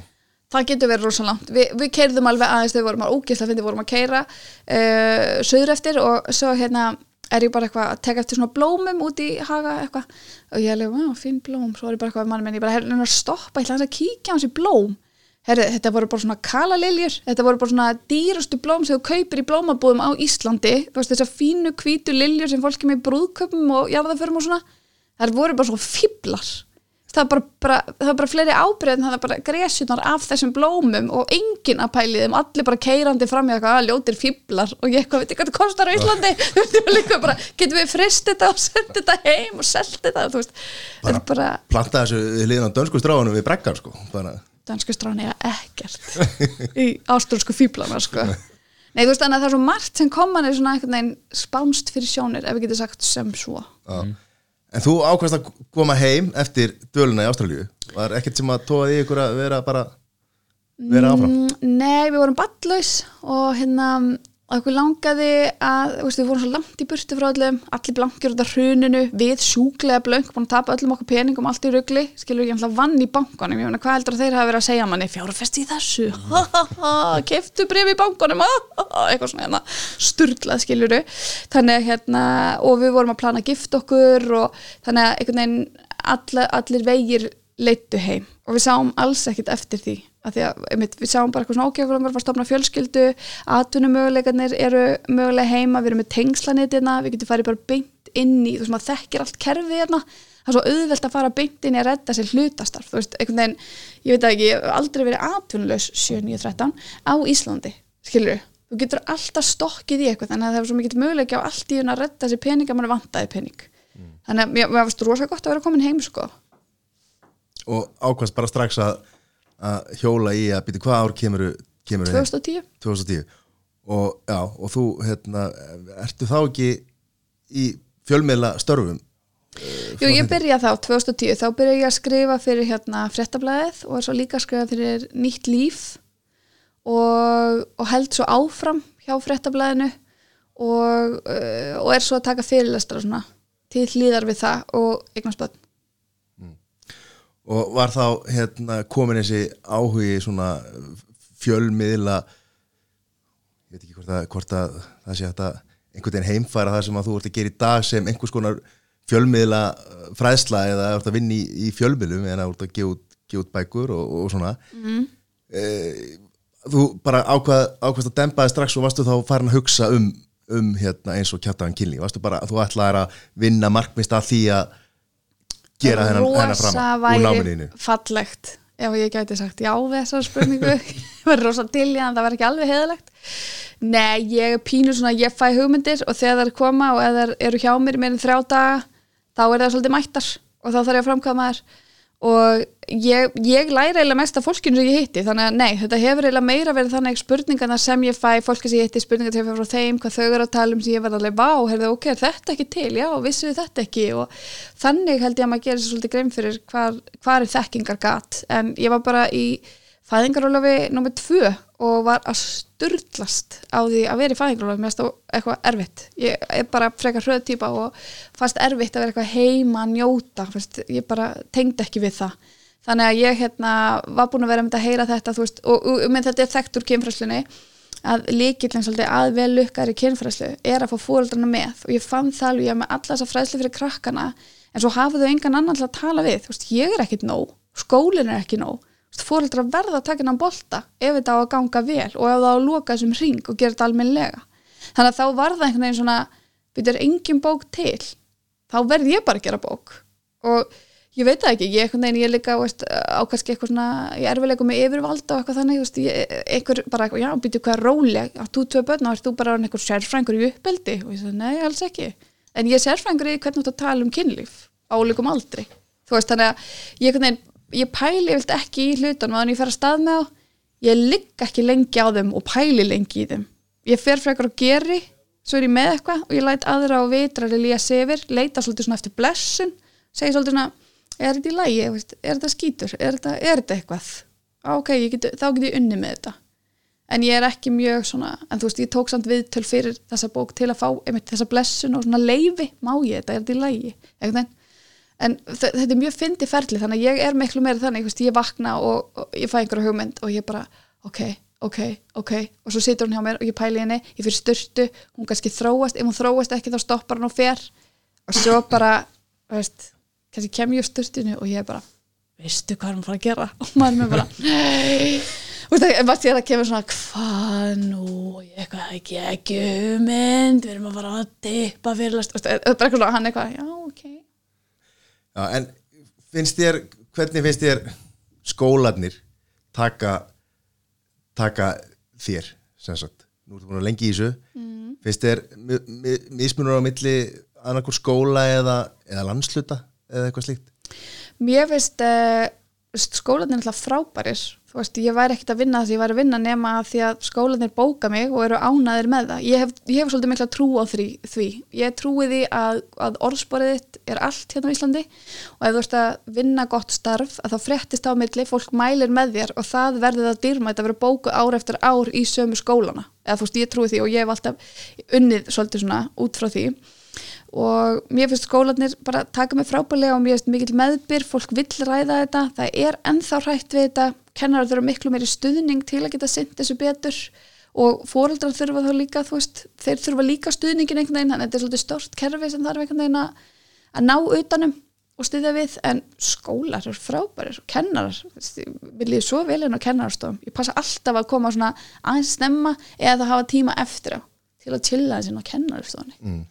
og er þetta þá e, þegar þú ert að koma í skóla e, er þetta þá í einhvers konar lífsleikni tíma eða er þetta bara, þú veist í staðin fyrir íslensku eða starffræði eða... það er bara allur gangur að því, kannski ekki staðinn fyrir en, Já, ég er að segja í, í þeim tíma það er misjamt, bara hvað hendar hvað hendar dagskráni og, og það er bara nika til sko. Og mér finnst kennar einmitt vera svo þakkladir og skilja mikilvæg þannig að þau eru bara já já það er bara pá, pási þar frí þessum tíma fyrir þennan tíma og við bætum þetta upp setna og mér finnst fólk bara ég held að maður hefði ekkert endst í þessu starfi og endist ekki í þessu starfi nema því maður finnur maður finnur virkilega að starfum mann skipti máli og það er mikill meðbyr og stuðningur veist, og þegar maður mætir skólan kennarnir eru svona hei, gaman að sjá þig, já þeir eru að fara að tala um þetta og tala um þetta, da, da, da, og eitthvað svona. En ef það væri bara eitthvað svona þú, þú ert komin og ef maður væri eitthvað gríla mm. þá væri maður ekkert eitthvað, já, ég ætla að hjakkast áfram í þessu því, því þarna, hálfvitarnir ykkar þú veist, það er ekkert svoleiðis En ertu þá með kjænslu fyrir líka fyrir þá kennara, af því að nú Já. eru já, af því að kennara er náttúrulega eigða miklum tíma með börnunum og, Mhm. og lendi ímsu að hérna að þyrfti, þyrfti að vera meiri þú erum að gefa út handbókina, kjátaðan killi en finnst þið þurfa meiri svona veit ég hvort það að segja vitundavakningu eða svona uh, markmið í, í þjóðfélaginu að miðla þessari kennslu áfram. Já, já, í, í stóru samingi það þarf. Og þeir veit alveg að því, veist, kennarar. Kennarum finnst það vanta líka, þeir kalla alveg líka eftir og það er bara að vera að skoða hvernig er hægt að bæta við og vinna meira með það sko. En, og ég meina, veist, og það er vinna núna, það er alltaf einhver vinna í einhverju ráðaneytum sem er að skoða þetta og pæla í þessu og, og ég meina, og það, sko samt alveg leggja spilina bara, sko, það er ekki allir skólar í Íslandi sem eru bara sega, hún er æði. Alls ekki, sko, það er alveg ennþá skólar í dag sem vilja alls ekki sjá mig. Og þegar ég kannski spyr, ég meina, ok, alltaf e e ef ekki ég, hvað þá? Og hver þá? Og þá er mjög fátt um svör, sko. Hvaða skólar eru þetta? já, en þú veist þannig að það er líka erfitt. Það er erfitt þegar ég meina, þú veist, öll börn á Íslandi eiga að sitja við saman borðið að sjálfsögðu þegar kemur að þessari umræðu. En eins og staðin er í dag þá er þetta bara alls konar og misið eftir skólum og kennurum. Og ég meina ég var í einu skóla um daginn þar sem ég var að tala um skólahjókunarfræðingin og ég tala mikið um skólahjókunarfræðinga og námsvækja og hvet krakka alltaf leita til þeirra og þess að þar og var bara já það er engin skólahjókunarfræðingur ég bara ha, samkvæmt lögum, já en það er bara engin innan uh, ok, awkward silence. Og hvað, þú veist það er bara já það er bara þannig núna. Já. ok, Gekja aðeinslegt En þegar þú ferð inn í, hérna, skó, inn í skólastofunar og, og byrjar að tala með þetta á krakkana er, er, er allir tilbúinir í samræður eða hvernig þetta hefur alltaf verið eitthvað tabú og fólk vil ekki tala um þetta og Já, það er svolítið misjandi hvað aldur ég er fara að tala við. Ég myndi ekki segja að þið voru alltaf til í að tala um þetta sko, alls ekki og, veist, og fólk er mistilbúð og mispeppa og þeir sem eru peppastir setjast ofta á fremsta bekk og eru svo peppaðir. Og þeir sem eru alls ekki peppaðir setjast oft aftast líta niður og jafnvel setja fyrir eirun og bara svona, ok, það er að þrauka þennan tíma. En ég segi alltaf við þau mega fyrir framskoðu, þau þurfum ekki að setja tíman en maður finnur samt alveg, ég held að þegar þau finna hvernig maður talar og ég er ekkit eitthvað ægslunarfærin þú veist þetta er ekki þannig, maður byrja bara jæja, við ætlum að tala um brund og tippi sko, kynfæramyndir, tala smá túr og allir til? Og fólk eitthvað, samt brund samt tippi. Þú veist, sag, bara, hvað var að gerast þarna? Samt kynfæramyndir, þú veist. Þá er maður búin að fanga aðteklina þeirra. Og svo hérna, nota ég húmórin mjög mikið og ég held að það hefur verið eitt af mínu sterkastu svona vopnum í að ná til krakka og fá fólk svolítið með mér í staðan fyrir á móti, þú veist og ég var með fyrirlastur um það núna í Gautaborg og þá var einmitt mikið verið að tala um þetta og, ég var bókuð í kjölfarið til Finnlands með umræðinu um þetta notkun húmors, að því að fólk alltaf miskila þú veist, húmor er það eitthvað, hei þessu er á stórum bíl af því að hann er með svo lítið tipp eða þú veist, að- að- þau beinti ykkur svona kannski ókesslega leiðinlega brandara sem segja mann alltaf ekki neitt. En að nota húmor getur verið svo óbúslega dýrmætt og fá krakkan alltaf hlæja. Þú veist að því að kennari hefur alveg labbað úr tíma hjá mér og hort á þú veist, hópinu verið bara svo hlægiði ekki, það er bannað að hlæ- og verið eitthvað svona, þið hægiði ykkur vel. Eitthvað svona. Og svo labba kennan út og ég bara ef að hlæja smá, þú er ógeðslega að fyndi að brunda og fá það bara eitthvað í nefi á sér, hann lendi þessu og þau bara eitthvað, oh my god, þú veist. Það er náttúrulega hlátur sko, slakar á öllum vöðum og eða svona, þú veist já, og hann Svona virkar sem ísbrjótur og bara magna líka hvað hlátur gerir líkamann, þú veist, við tölum um dopamín og við tölum bara, þú veist, hormonalega séð og hvernig hann tengir okkur saman allt í einu verður verður- alls saman í þessu að upplifa eitthvað, skilur og þannig að það er engin vandrarlega að því einhver hlær að því að við erum öll bara eitthvað, já, vá. En við erum ekki að hlæja að neinum við erum að hlæja að þessu. Við erum að hlæja að kynlífinu eða uppljónum eða við erum að hlæja að mér eða við erum að hlæja einhverju dæmi sem ég tek. Þú veist, þannig að þetta verður einhvern veginn svona og þú líka mannst betur. Og þetta hjálpar að viðhalda einbytningu þetta hefur mikið verið rannsakað sko. Ekki til í tómarúmi. En þá náttúrulega þarf að passa hvernig húmórnu notaður í þessu algjörlega, algjörlega. Og það er allt annað að geta gert grín út frá sjálfum sér og manns eigins reynsluheimi heldur en að gera grín að öðru og maður finnur það alveg, það er, það er ekki bara stigsmunur, það er bara heimin og haf þar á milli, það vil lengi láta að gera grín að sér, en það er öðru í sig þegar maður er að gera grín að sjálfum sér eða svona, eins og til dæmis veist, einn spurði um, hérna, veist, er hættulegt að fróa sér of mikið? Og ég segi, ok, pælum aðeins í þessu. Um, hvað gæti verið hættulegt? Og þá er það eitthvað að segja, þú veist, getur maður hvað, hvað gæti gæst, ég segi, gæti hann slitnað af? Nei, hann gæti það ekki. Um, og svo ég segi, en veist, verður hann lengri þú veist, ef maður er eitthvað, og ég eitthvað lengist hann? Því ofta svo kippur í hann, pælum aðeins í því. Hvernig myndi það virka, hvernig væri pappiðin þá? Þú veist, eitthvað svona hérna. Þannig, þú veist, eitthvað svona, þetta eru frekar saklusi djókar yfirleitt, þú veist, eitthvað svona, hversu mikið stækkar píkan, maður er eitthvað, já, það gerst ekki iPad. Ef þú pælir í því, það eru þólmörk fyrir því hvað píkan getur stækkað. Mamma einn getur sest að venjulega stól ekki satt? Eitthvað svona, og þau eitthvað, oh og bara svona venjulegar píkur þau bara, þetta er píkurnar á ömmum þú veist, þannig að maður er aldrei veist, bara, bara það, veist, það er hægt að fara svo vel með þetta og taka svo mörg dæmi án þess að maður sé eitthvað neginn já, ljósarðar konur sem eru svona eða þú veist, fara einhver svona niðrendi stereotypu brandara en hvað er þá algengustu spurningar þannig í í grunnskóla? kynfrastunni Já. Um, það er, strákar eru mjög óttasleiknir um sjálfsfrón þeir spurja mikið um það. Fyrst, er, er ég eitthvað að fara að skemma mér limin til frambúðar? Er hættild að runga svo mikið? Klára ég brundi mitt? Hefur þetta ykkur áhrif á mig í framtíðinni? Mikið að pæli því. Um, stelpuna spurja oft um túr og svo hvort að fyrsta skiptið verði sárt. Það er lífi góðu lífi sko. Og í gamla þetta heyrði maður alltaf að maður er blindur á sjálfsfró en það ef þú ert að horfa í hann og skjóta bein. Þú veist, engin sundgler er ekki neitt það er svona tímbunir á þægindi vissulega geta fyllt. Ekki alveg blindur. ekki alveg blind, ekki alveg klán ekki alveg mæta með hérna, sjóruningaleppin til frambúðar en þú veist, nei, einmitt, og maður talar um þetta og ég hef sagt þetta á krakkana, ég sagði, krakkar, ef ykkur langar virkilega að horfa meðan þeir eru að brunda eða eitthvað peppi fyrir brund í augum bara, sol, bara sundgleru, það er bara gott það er bara ver augun og það er eitthvað sundgleru, hvað tala um? Og ég bara, þú pæli bara í því, þú veist. Þannig að maður getur tekið þetta alltaf úst, bara svona líka sett þetta eins og léttun þegar maður veit þetta svo þungt fyrir svo mörgum og má aldrei ræða þetta og má aldrei spurja og að bara svona, vá, heyrðu hérna staður en maður finnur líka með það er stiks munur á hvernig strákar tala um þetta og hvernig stelpur tala um þetta. En tölum við það, hérna þegar ef við tölum aftur um hérna normið þegar, með, þegar þið voru með live hérna, Mhm. podcast á Hard Rock þá voru, hvað, tíu kallarinn í í salnum en, en konuna voru, hvað var þetta ekki, 180 Jú, það var ekki 170 konur. Já, og tíu kallar. það er af hvað, þrír makar. Er- og einn pappi Svo voru við fjórir hérna. Já, nákvæmlega. E, e, Þurfum við stráfaðir einhverja einhverja hjálp, vitundavakningu í, í þessu málum? Ég held að þið þurfið að fá rými til að tala aðeins meira án þess að sé einhvern veginn svona hvað, kallin að skjóta púðskuðu gátt mér svo lítinn undir þér. Hvað, allt þetta, skilju, að fá bara að tala í smá einlegni en líka hlæjaði hvað þýðir að vera með tippi og, og, og allir þessi reynsluheimur. Að því mér finnst sko, því meira sem ég hlust á stráka í tíma og spurningan sem ég fæ um tippin og hvernig þið talið, talið ykkur á milla þess að þið lendi og svona, þá fæ ég bara úst, mér líður bara eins og við búum á sikvarum nettinum stundum. Ég fæ bara eitthvað svona vá hvað reynsluheimur ykkar er óbúslega ólíkur mínum og að heyra eitthvað svona þemu í reynsluheim og margir strákar tala um það sama þá verður maður bara eitthvað svona byrju, af hverju er þetta ekki hjá mér? Þú veist, sumt væri ég ekki til í að hafa hjá mér eins og þetta með að pissa hvernig annan í sturtum uh, það finnst mér skrítið, þetta íþróttadæmi þú veist, það er ekki á stelpum.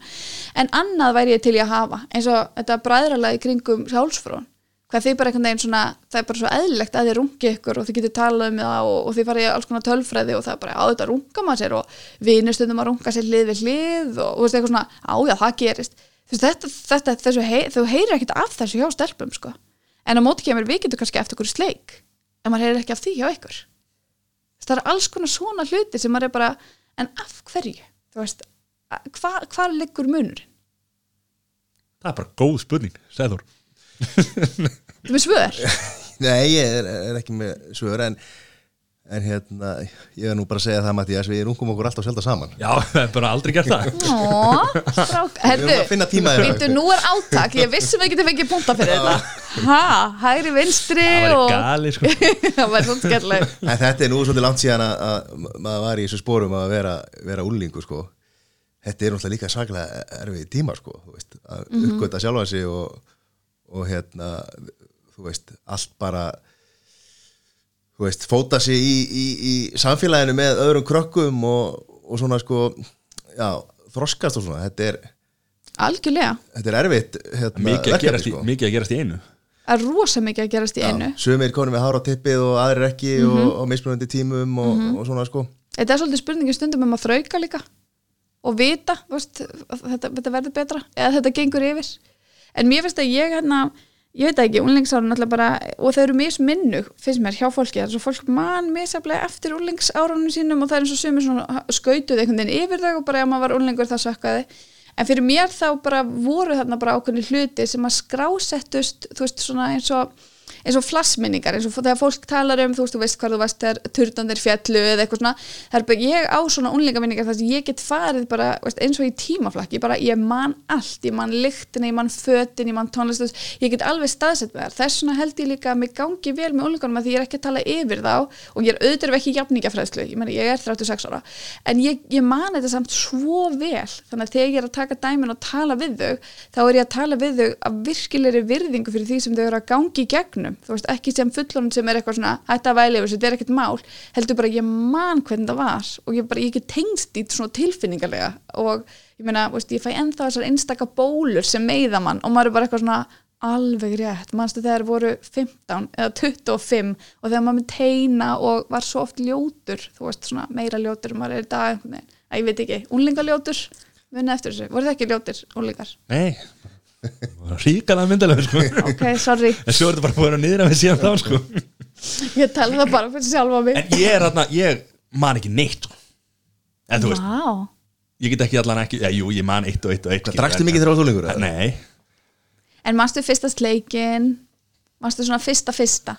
Þú veist, fyrsta rúkið fyrst sem fyrst að snarta brjóst? Fara innandi bólin nei, nei og nei hættu Í alvörinu? alveg Ég man ekki, ég er að rífa þetta upp núna sko. ég, Nei, Shizza.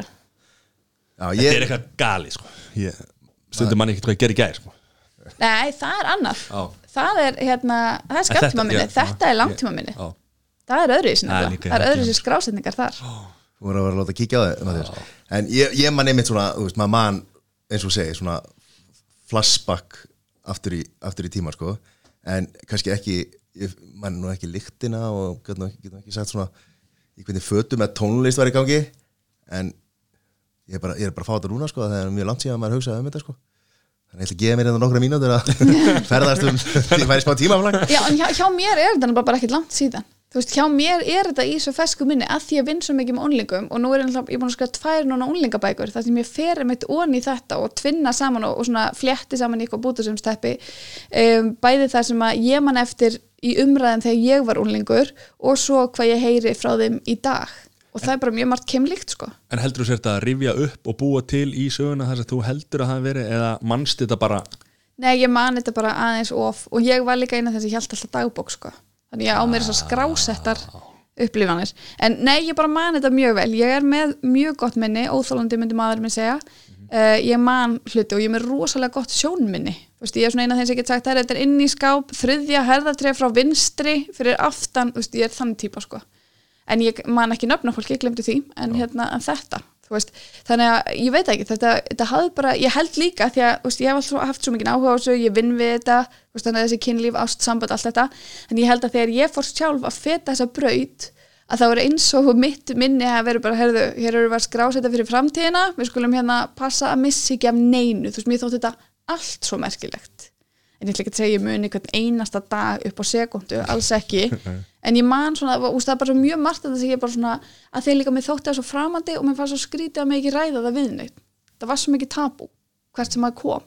Og einhvern veginn líka kannski allir veggirnir sem maður rakst á, sem ég hefði alveg vilja og ég vil fyrir þessu ónleika að þau þurfu ekki að rekast á veist, og það er svo margt sem að ég segi við þau sem að ég hefði líka vilja sjálf í kynfræslu og það fæ ég nummer eitt frá kennurum og fóruldrum að hvar var þetta þegar ég var úlingur váka margt hefði verið öðruvísi váka hjónasengin hefði verið öðruvísi mm. hefði ég fengið þetta þegar ég var úlingur þannig að ég finnst við líka bara öll vera að læra núna með unga fólkinu En við, við þurfum alltaf að treysta á minninga þetta sko, nú geta ungt fólk í dag bara flettir ekki myndirnar í símanum, býtu, já, hvað var ég að gera þarna fyrir fimm ára síðan?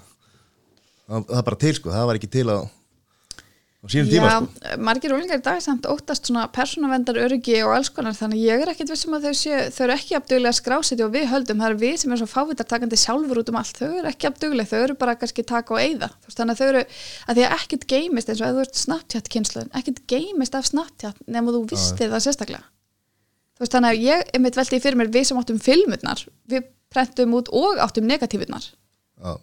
En finnst þér krakka tala um, um þetta, svona, þú veist um, þessar þú veist nektarmyndir og, og þá, þú veist, hendaklám veist, það sem að hefur verið að gerast að, að hérna, það er sendið einhver mynd og, og hérna og það er einhver með hana sem að er hugsalega hóta dreifinni eða er að dreifinni Uh, nei, krakkar tala ekki mikið um þetta. Þau bæði eru náttúrulega oft krakkar sem ég heiti yngri.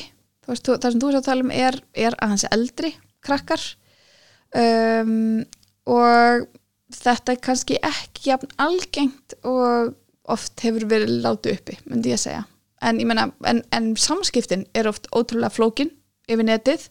Um, og þau eru svona að að finna út úr hvað má og hvað ekki að því að í dag, eins og þau kannski bara tekkið þá látum við ekki að sama yfir okkur ganga eins og við létum sem unlingar og ég maður bara eftir því ef þið hugsið tilbaka ef þið rifju bara upp vennilegan skóladag og hvort sem að þið gerðu þetta eða vinir ykkar muni ekki eftir þegar að vera að klípa í rassin á stelpum? Muni eftir þessu, þegar að vera að flengja eða klípa í rassin á þetta til dæmis er ekki í bóði í dag. Þetta er bara eitthvað svona er fyrirgeðu, hvert er, er vesant í rassinum á mér.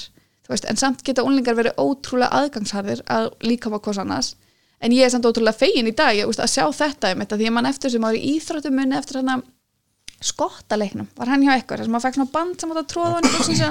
mér fannst þetta hræðileg leikur mér fannst hann ógæslega óþægilegur og mér fannst sumir einmitt nýta tækifæri til að fara onni í brókina manns þegar það þurfti bara að kippa í bandið þú veist, til að einhvern veginn. Og þú veist, það eru alls konar svona litlu hlutir í dag sem erum bara eitthvað, ok, í hvað aðstæður voru krakkarnir settir og í hvað aðstæðum eru þau í dag og, og það er meira bara svona virt, þú veist bara herruna, ég viljum ekki gera þetta, veist, ég man að ég var í leiklistar, hérna, einhver leiklistakurs þar sem þú bara nutta rassin á hvort öðru. Hvað pæling er það? bara krakkar, þetta eru bara líkamar.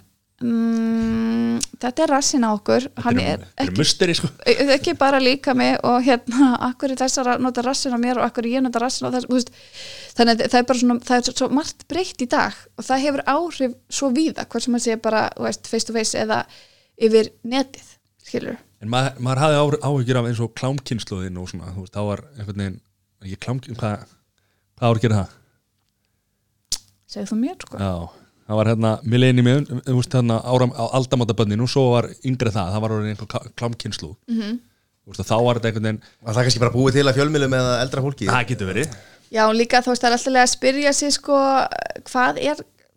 er alltaf þú veist, ég meina, þið gætuð mögulega talist, ég veit ekki alveg hvað þið eru gamlir, en þið gætuð Vi, við, erum, mögulega, hérna, við erum 34 og, og, og, og 6 ok, munið eftir möppunum, voru möppur aukar vídeolegu? Já, Já, munið þið þegar að klámyndir voru síndar á stöðfö? já, já. Já, það, sko, það var, það var, á, var ekki á sín Ekki klámynd, eða ljósbláða myndir eitthvað svona. Já, Já, og sín var, var sín með klámyndir e- þar. já, eftir hausverkum helgar Já. Svo var líka stundum á rúf voru svona, það var ansi margt stundum sínt þar, svona, það var búið að lita merkið. En er klámkynnslóðin ekki þá veist, það sem að vera að tala um klámkynnslóðina þegar að svona öll þessi myndbönd og allt var svona aðgengilegt á netinu fyrir alla Jú, en ég myndi bara eiginlega svolítið færa rauk fyrir því að klám er bara aðgengilegt í mjög langan tíma því að flestir grömsuðu bara hjá fóröldur sínum og fundu þar bara ímist gós flest allir fundu klámsbólu heima á sér og ef þú fannst ekki klámsbólu heima á þér þá átti vinuðin klámsbólu og það var hort á þetta, þú veist, það er ekkit nýtt að unlingar leiti uppi klám og horfa á það og mér finnst oft þegar að vera að tala um eitthvað sem klámkynslu þá vera að meina það á niðrandi hátt. Þannig að ég hef oft sagt þetta við krakkana þú veist, þetta er ekki lýsandi fyrir ykkur og ykkar kynhegðuna þegar þau eru bara með sömu spurningarnar og þið höfðuð, þú veist, mun ég ná hann upp? Hvað er ég að setja hann inn, hvað hann að vera lengi? Hvernig virkar smokkurinn, þú veist þessar spurningar er alveg ennþá í gangi. Þau fara ekkit beint í bara herði, nú ætlum ég að þrykka í raskat og brunda hérna 14 lítrum, þú veist, þau er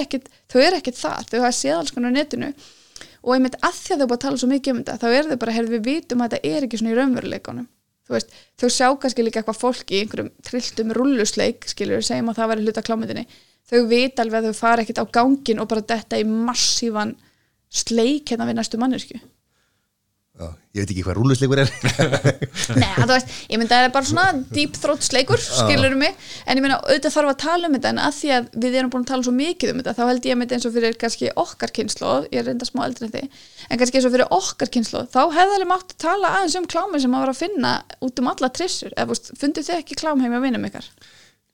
Jú, og hérna skipta spólum og svona? Nákvæmlega, þú veist, þá var bara til dæmis óslega algengt að vera dýraklám á Íslandi, að þetta flætti svo mikið frá Danmörku. Voru Danir allir í því eða? allir í því, það er mjög stutt sem það var bannað í Danmörku. Bara mjög stutt sko. Já, heldur staninni maður. ég er að segja það. Að Mattias, ég vil að tala um þess að klámkist og þetta er ekki svona. Þú, Já, ég hérna- bara- En af því að það er, alltaf, svo það er alltaf verið að tala um í fjölmilum að, að allt þetta ja, veist, fjölmilum og á þessum veist, öld, öldum ljósokans að klámið er að eyðileggja ungu krakkana og, og, og strákarnir þekkingi mörg og af því að þeir eru að horfa á eitthvað eitthva myndband og, og, þú veist raumurleikin er allt annar. Ég myndi segja að tölfræðin og raunveruleikin hafandi unni með fleiri þúsundur úlingum hérna um allt Ísland þá myndi ég ekki segja að þetta verið mín upplifun alls ekki og langt í frá. Og ég myndi einmitt segja eitt af því sem að MeToo er að færa okkur er þetta samtal um þessi mörg og ég myndi segja að þetta er löngu tímabært samtal sko, hvort sem að þessi eitthvað, tengt klámi eða ekki er ég ekkert svo vissum sko, bara eiginlega alls ekki.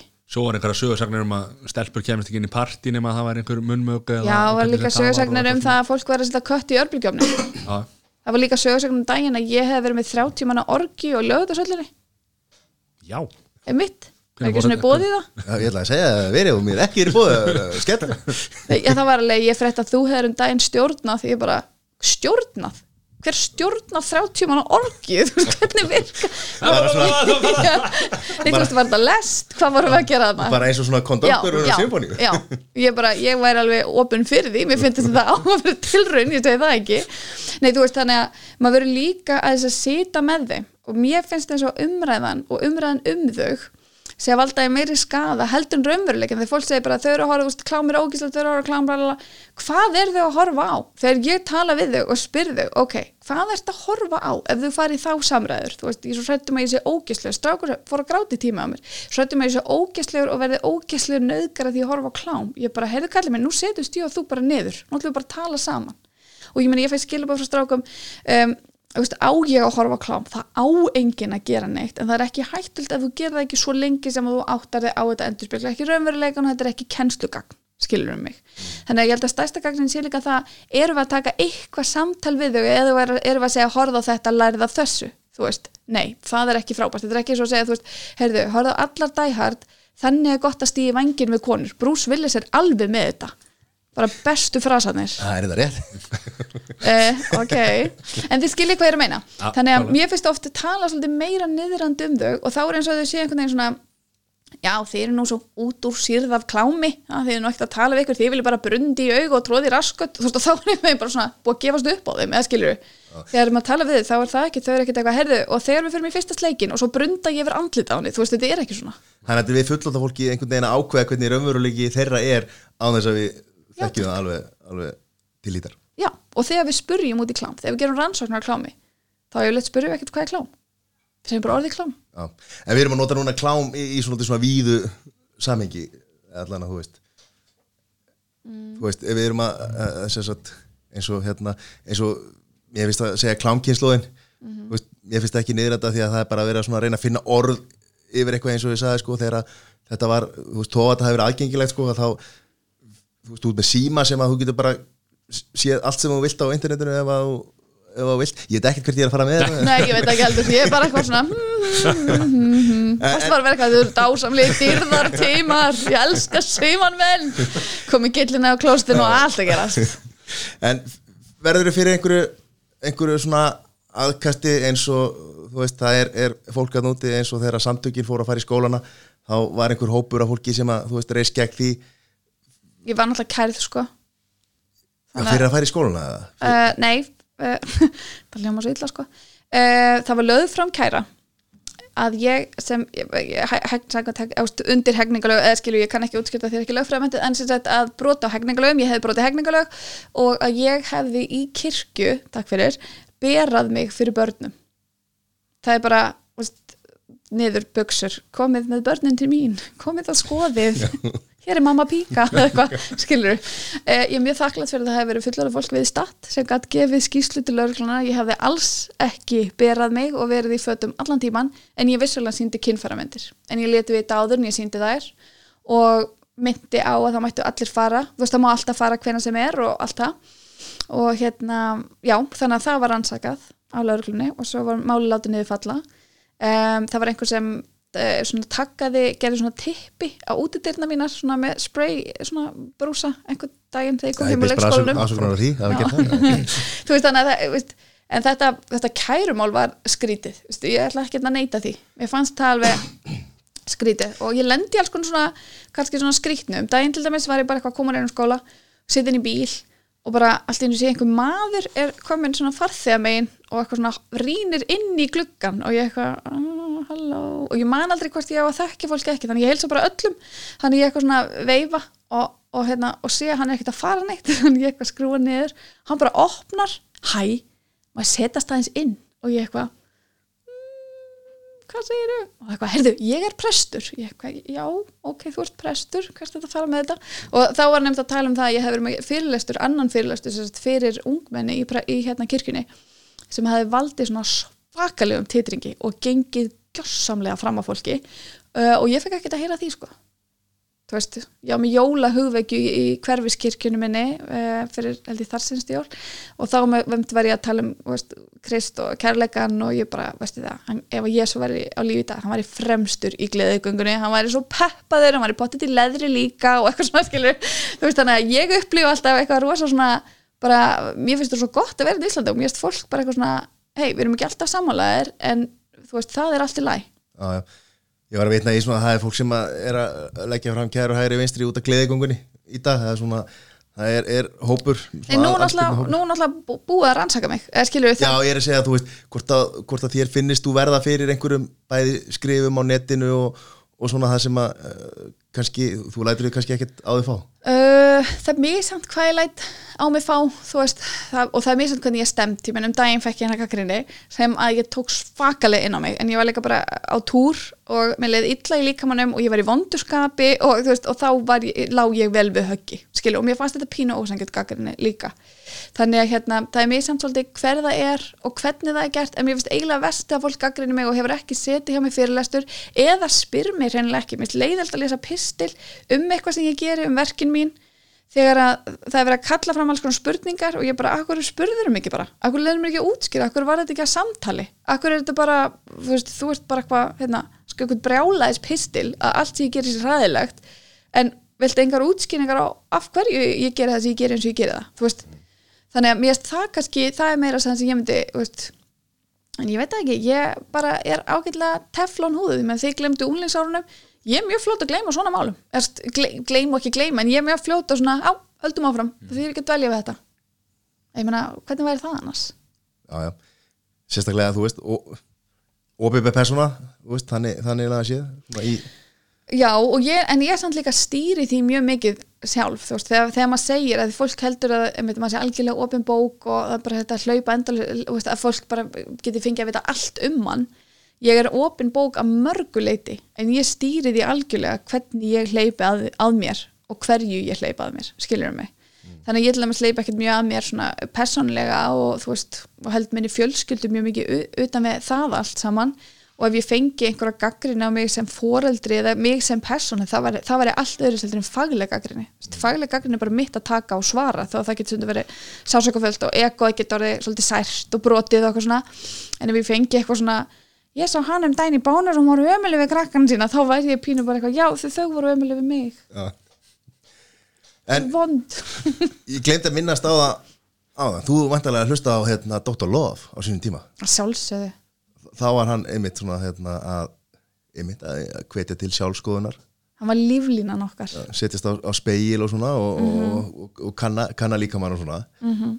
hann hefur kannski leiðbent er svona í þínum starfsframa Já, hann náttúrulega, þú veist, ef ekki bara segja, hann hafi verið með e, e, nokkri drópar í kannski, ef við myndum okkur könnu. Þá, og, og ég og Páll Óskar eigum bara mjög fallegt og gott samtal þegar við hefum, hef- hittumst og höfum átt mjög mörg góð trún á, sko. Þannig að mér þykir hann líka, þú veist, mér finnst hann svona eitt af fólkinu, þú veist, það er svona fólk á Ísland sem hann hugsa vákvæði dýrmætt fólk fyrir Ísland. Og hann er alveg þar. Sigga Kling er líka þar, ég er með alls konar fólk sem ég hugsa bara vákvæði þakklátt fyrir að eiga þetta fólk á Íslandi. Og ég elska hvað Íslands samfélag tekur Páli Óskari bara, veist, e- e- ég er, ég er ekki meina að tekur bara vel heldur bara hvað elskar hann heitt. Veist, þetta er bara einn af okkar heilugustu manneskum hérna á Íslandi og við verum öll bara eitthvað herru, ég tek kúlu fyrir þú veist, mér liði þannig með hann. Er svona, hann er pínu okkar fósiti við erum bara eitthvað svona, ég tek kúlu fyrir Páli Óskar. Þú dissar ekki Páli Óskar. Af því að hann er líka bara af heillundum skilur, hann kemur fram að virðingu af heillundum og hann er bara eitthvað svona, þú veist, hann er svo, hann er svo mikið hann sjálfur gerir þetta svo vel. Það er ekkit, ég meina það hefur aldrei komið upp eitthvað einhver vond málumann og aldrei neitt Ó, eitthvað ekki nema þegar hann mætti ekki hérna, sé, þegar hann mætti ekki til konunar með bókina. Já, hvað konuna sem þetta heima einhverju fjalli eða eitthvað? Þú var brjál hvað Já, bara segja þetta af því að þetta voru óbæra upplýsingtíma en við elskum hérna Pálaskar og hann, ymmit, þetta var þegar hann var, að, var með Dr. Love og þetta var alveg, alveg nýtt og, og maður þekkti þekkti ekkert svona Nei, ég, þegar, sko, ég var með útastátt á K100 uh, sem hétta mitt kjafta um kynlíf það var nú fyrsta, það var svona forsmekkurinn að bókinni og þá tók ég mitt viðtal við það og þá töluðum við svolítið mikið um þetta um þetta Dr. Love tímabil og hvernig hann uppliði það og, og svona og ég meina, þú veist það, það var nöðsynlegt þá en veist, það er samt ennþá rými fyrir þetta í dag það segir okkur svolítið mikið það er alveg ennþá pláss fyrir þetta sko Hvenær var þessi þáttur alltaf? Dr. Love, Já. var hann ekki að sundarskvöldum Já, var það ekki? Mér minni það. Þetta er, ég held að segja eina skipti sem maður einhvern veginn bara valdi sér, þú veist, útast, fann já, útastöðuna og já, ég hlusta algjörlega og kassetutæki og stundum Já. tók maður þetta upp og þú veist, tók ég mixtape og svona. Þú kannski búin að hlusta á einhverja á kana útarpinu, einhverja svona þætti kannski? Nei, við vorum bara í R&B-inu sko, það var bara making sweet love. Þú veist, við vorum svolítið þar meira. En svona uh, t- vil fá að spyrja einu af því að þú, þú hefur verið með svona uh, já, svona kynningu, kennslu píkur þurfa plás uh, það var á einhverjum dögum uh, háskóladögum fyrir einhverju svolítið síðan. Já, píkudagar háskóluna Já, sem feministu félagi stendur fyrir. Já, mm hvenar er ekki voru svolítið síðan að hérna, ég held ég að fundi einhverja grein það sem að, það sem að var held ég, hvort að fyrir svona hefði verið píkur þurfa plás nú er þetta að koma uh, í aðeins aðeins breytri mynd. Konur þurfa plás uh, hver svona hérna, og með MeToo reyfinguna og svona, hver er þín skoðun á þessum hlutum sem að hafa verið að koma í koma fram bara á síðustu, síðustu árum? Svona, hvernig, finnst þið það tengjast eitthvað þínu fagsviði þetta já, algjörlega. MeToo-byltingin já, já, já, já, ekki spurning. Og hérna, mér finnst sérstaklega því að ég fæ, ég fæ fá tækifæri. Ég fæ miklu færri tækifæri til að tala við ykkur. Því bara, þetta er bara mjög sjálfgeft að ég seti ein á móti tveimur kallmönnum að því að þið bókið mig, þið bókið mig hérna, sjaldnar í veislur, í partí í gæsanir, ef stekjanir í hvað svo sem það er. Um, þið mæti sjaldnar á fyrirlestra þú veist, það er oftar mömmunar þannig að ég hitti miklu færri kallmenn Ekki horfa okkur, við komum að með Við- erum er að bjóða hverri viku, við erum í hverri viku. þið er ekki að fara í vörð, þetta er ekki blammering þetta er einmitt svona þetta er bara hvar er samtalið Það skilurðu. Tala við okkur strákana. Já, tala við ykkur strákana. Og, hérna, og að því að við erum á þessum tímum í dag það sem er búið að gefa ykkur kannski oft eitthvað svona skrýtnar upplýsingar um hvernig þið eigið að hafa ykkur þegar þið eru í tilhugalífinu eða í samböndum og, eitthvað svona. og svo þú veist, farið í samband og þið bara býtu þetta er ekkit raunverulegi, hvað búlsett er búið að vera í gangi þannig að það er eitthvað svona ótrúleitt búið að hérna, leiðilegt misræmi upplýsingagjöf og uh, ég held að MeToo sé að miklu leiti að takast á við það ef við bara svona algjörlega förum í uh, léttleikan á MeToo af því að svo er hægt að fara náttúrulega mjög djúft og mjög langt. Um, og ég held eins og þetta ok, ég ætla að taka eitt gott dæmi svona, þetta var svo, þetta var svo fallegt innan gæslapa, MeToo dæmi. Um, á vinnustanum hjá pappa, ekki nema kallmenn ein kona að vinna. Þessi kona uh, er lítil og grönn og ég stend að ná er í heimsókn inn í eldhúsi, ég veit ekki hvort þegar farin í eldhús og veit ekki að það er busy, það er mikið að gera. Allir er í sínu hotni að skera og græja og gera og potar og allt þetta. Og hún stendur hérna að saksa og þeir eru þetta fimm eða sex kallmenn sem standa við borð og það kemur eldri maðurinn, gammal kokkur. Og hann byrjar hérna að lappar inn byrjar því að strjúka mjóbakið á þessar stúlku og fer svo að tala við kallana og eitthvað svona. Svo lappar hann að stelpunni og kvíslar eitthvað í eiraðanni strýkur aftur á hann mjóbaki og svona yfir öxlina og lappar út. Stelpan var útlensk skildi ekkert hvað hann sagði hafði aldrei séðan áður og ég fer að segja þetta, ég sagði strákar fyrst ykkur í lagi? Þeir bara slakaði á me too ég sagði strákar, hann kom ekki við einn ykkar. Hann kvíslaði ekki eirað á ykkur ekki einn ykkar. En hann lappaði upp á einu stelpuninni straukinni, kvíslaði í eiraðanni og hún er útlensk.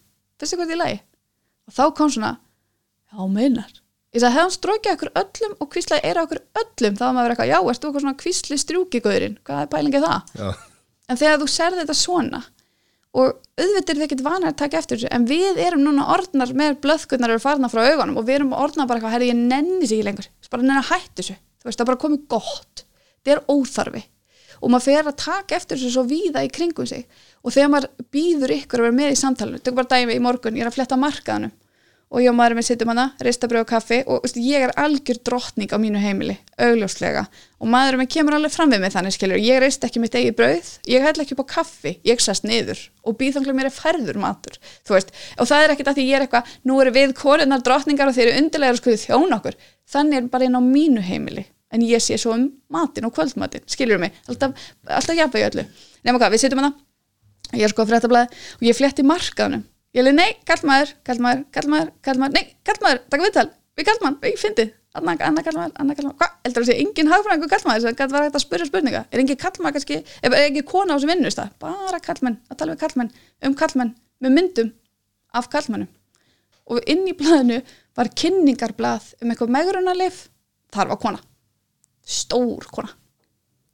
Og þegar þú ferð að rýna svona í þetta þá verður þú bara, og þegar þú ert eins og þú þú ert alveg dóttur eins og ég þegar þú verður bara hvað, þú getur orðið viðskiptafræðingur og hún fletti blaðinu. Ég er ekkert eins og þeir. Ég er ekki þeir. Þú veist sem ég getur orðið viðskiptafræðingur?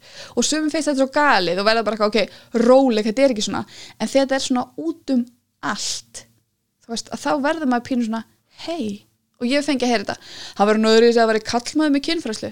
Það er fullt af, af kallmannum sem eru kynfræðingar. Það er bara enginn á Íslandi. Ég myndi ekkert eitthvað, hörðu perrindin glimdu þessu, ég myndi bara fagna samstarfinu. Ég get ekki pínt ykkur til að vera kynfræðingar, en ef þið vilja hafið samband, vinnum saman, gerum eitthvað þú veist, en þetta er líka þetta að þú opna þetta samtal og pressuna sem hefur verið sett, að, hefur verið sett á stráka líka, hvernig að hafa ykkur í kynlíf. Og svo hitti ég ykkur og þið eru drullu stressar með því að kunna allt, vita allt, því að fullnæja því að tímasetja, þú veist, maður er bara herðu rólur, þetta er svo að fara í píptest maður er bara, herðu, kalli menn, þetta er bara ekki svona. Nú skulum við aðeins spólu tilbaka og byrja að byrja og ég segi þetta líka stelpunar ég segi, hann er ekkert mættur sveið til að fullnæja þér. Þú verður að kunna það og geta og byrja ábyrð á þér. Ef þetta er vond, þá er þú líka verið búin að læra á líkamann og þegar maður tekur þetta samtal þá verða þeir eitthvað svona, já, ó að því að mér finnst oft strákar held að ég sé einhvern veginn að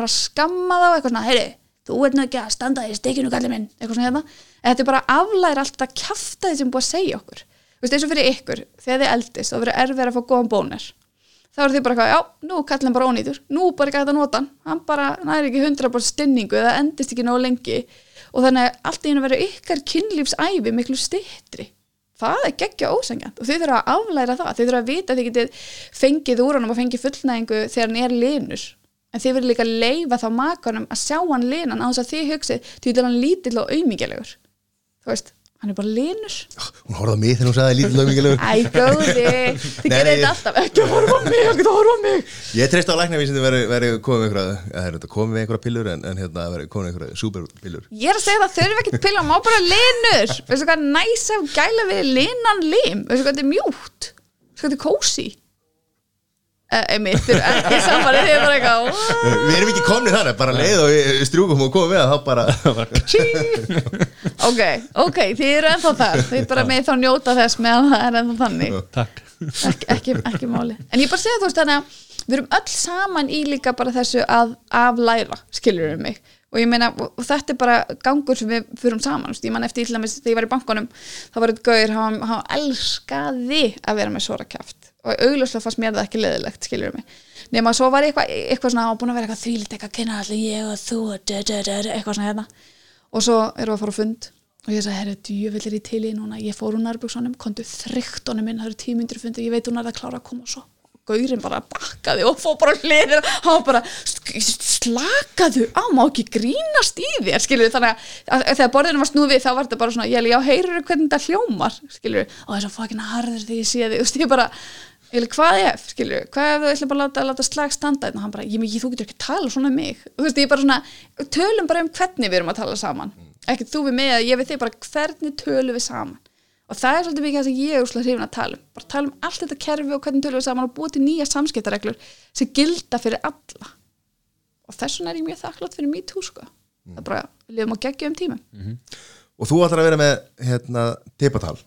ég er alltaf í tala eða sem, sagt, sem er þá meira fyrir stráka eða ekki? Sjáum. Allir haldið, hald, veist, mætið þið? Mæta strákar á uh, svona umræðu skemmtun gleði fögnuð um tippi. 14. november, já, það er 14. nómur hvað er þetta? uh, þetta er á keks, þetta er í Níló. Já. það verður að fara að breyta sér í keilusal.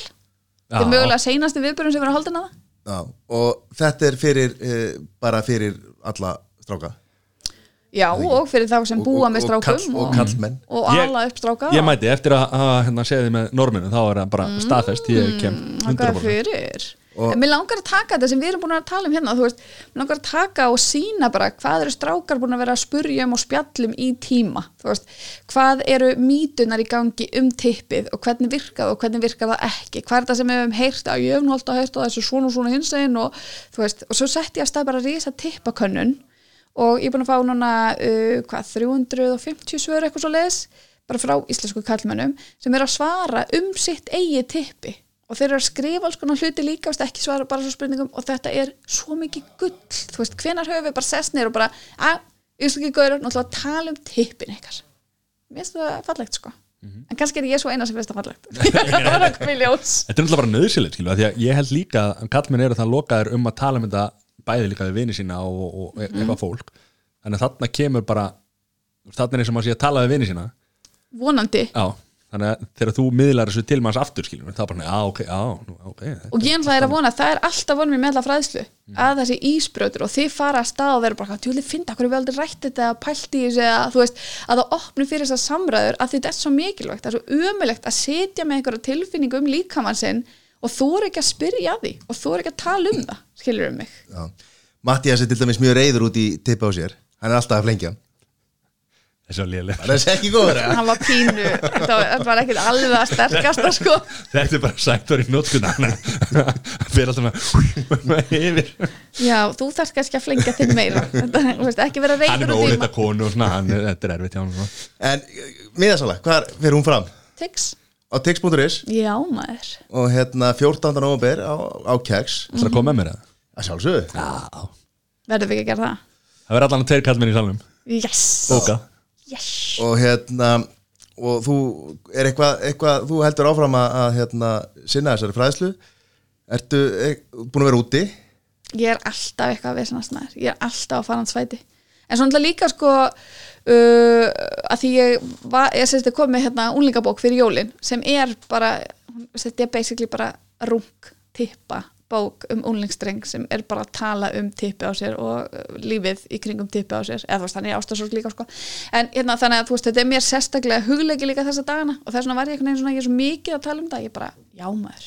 Og ég fór að tala um þetta núna, ég voru til Gautaborg og já bara heyrðu, ég er að fara að gera svona tippa event á Íslandi og norðmenn og danir voru bara eitthvað, við viljum, við, já, já takk. Við viljum fá tippa event til okkar. Við erum ógæsla til í þetta. Og þá fór ég mitt að vera, þú veist, að að ég vinn ekkit eitthvað bara fyrir píkur þó ég sé með píku og, en ég hef verið að tala mikið um píkur og ég er með píku event á næsta ári. En ég fekk bara eitthvað svona, einmitt, hver er að tala um tippin og hvenar og hvernig? Og mér langar bara að það komi fram að veist, ég er ekki að gera grín að heldur langar mig að þetta sé bara falleg einlegstund sem samt líka má hlæja að, skilur mig bara, "Á, þetta er klikka maður, þetta er alltaf galið. En líka bara eitthvað svona, já við mitt, nákvæmlega þú veist, þannig ég sé fyrir mig þessu svona eins og trún, pínu. Já. Ég er peppaður. Já, hvetjum alla, alla til þess að hérna, er, er, er þetta líka opið fyrir konur eða? Er þetta, ég, ég verð ekki með neina fálmara í brókinu sko. Þetta er ekki- er að hlusta á hana? Það maður búin að segja það fjóri sem við ja, ég meina, þetta verð bara ef þú hefur, þú veist, ég sagði ef þú ert með tippi, langar hafa tippi ert að ala upp tippi, mér er alveg sama en, þú veist, og svo fekk ég strax spurningu frá Gaur, hérna ætlar ekki að tala um píkuna? Og ég bara, þannig ætlaði ég bara eiginlega að tala um tippi. Ég ætlaði bara að fá tvær klukkustundir af lífi fólks til að tala bara um tippi. En ef þú ert æstur að tala um píkuna og kemur og spyrð, ég skal svara þér svo dettu þau bara aftur í tippin. Veist, það er svo ógeðslega fyndið þú veist, þannig að já, ég er að vona ef að gefa þér rými. Já. Það þarf ekki, er, Já, ég menna það er ekki drými í þessum bróku sem hann alltaf í er alltaf í. Skinny Já, ok, tough jeans og, heyriði, ó, svo vant að ljúka þessu á þessum, þessum lilaða brandara en þú samt að gera það. Bara Sigga Dögg, takk kærlega fyrir komuna. Uh, hvetjum alla til þess að- að að- að mæta og, og, og hitta okkur. Og hérna Mattias allar að, að, að hérna gefa öllum bjór sem að mæta, eða ekki? Nei, ég hef ekki defnað því, það var svo mikið af fólki hérna. bara hérna takk fyrir að koma og tala um þetta og, og hérna tippið þurfa plás þegar að þau stekka er staðfest. Og hérna líka lin Líka lin. það er góði við linu límina og halda áfram að, að Styttu gera þessa góðu hluti sem að þú veist að, að gera fyrir okkur í íslensku samfélagi. Takk fyrir það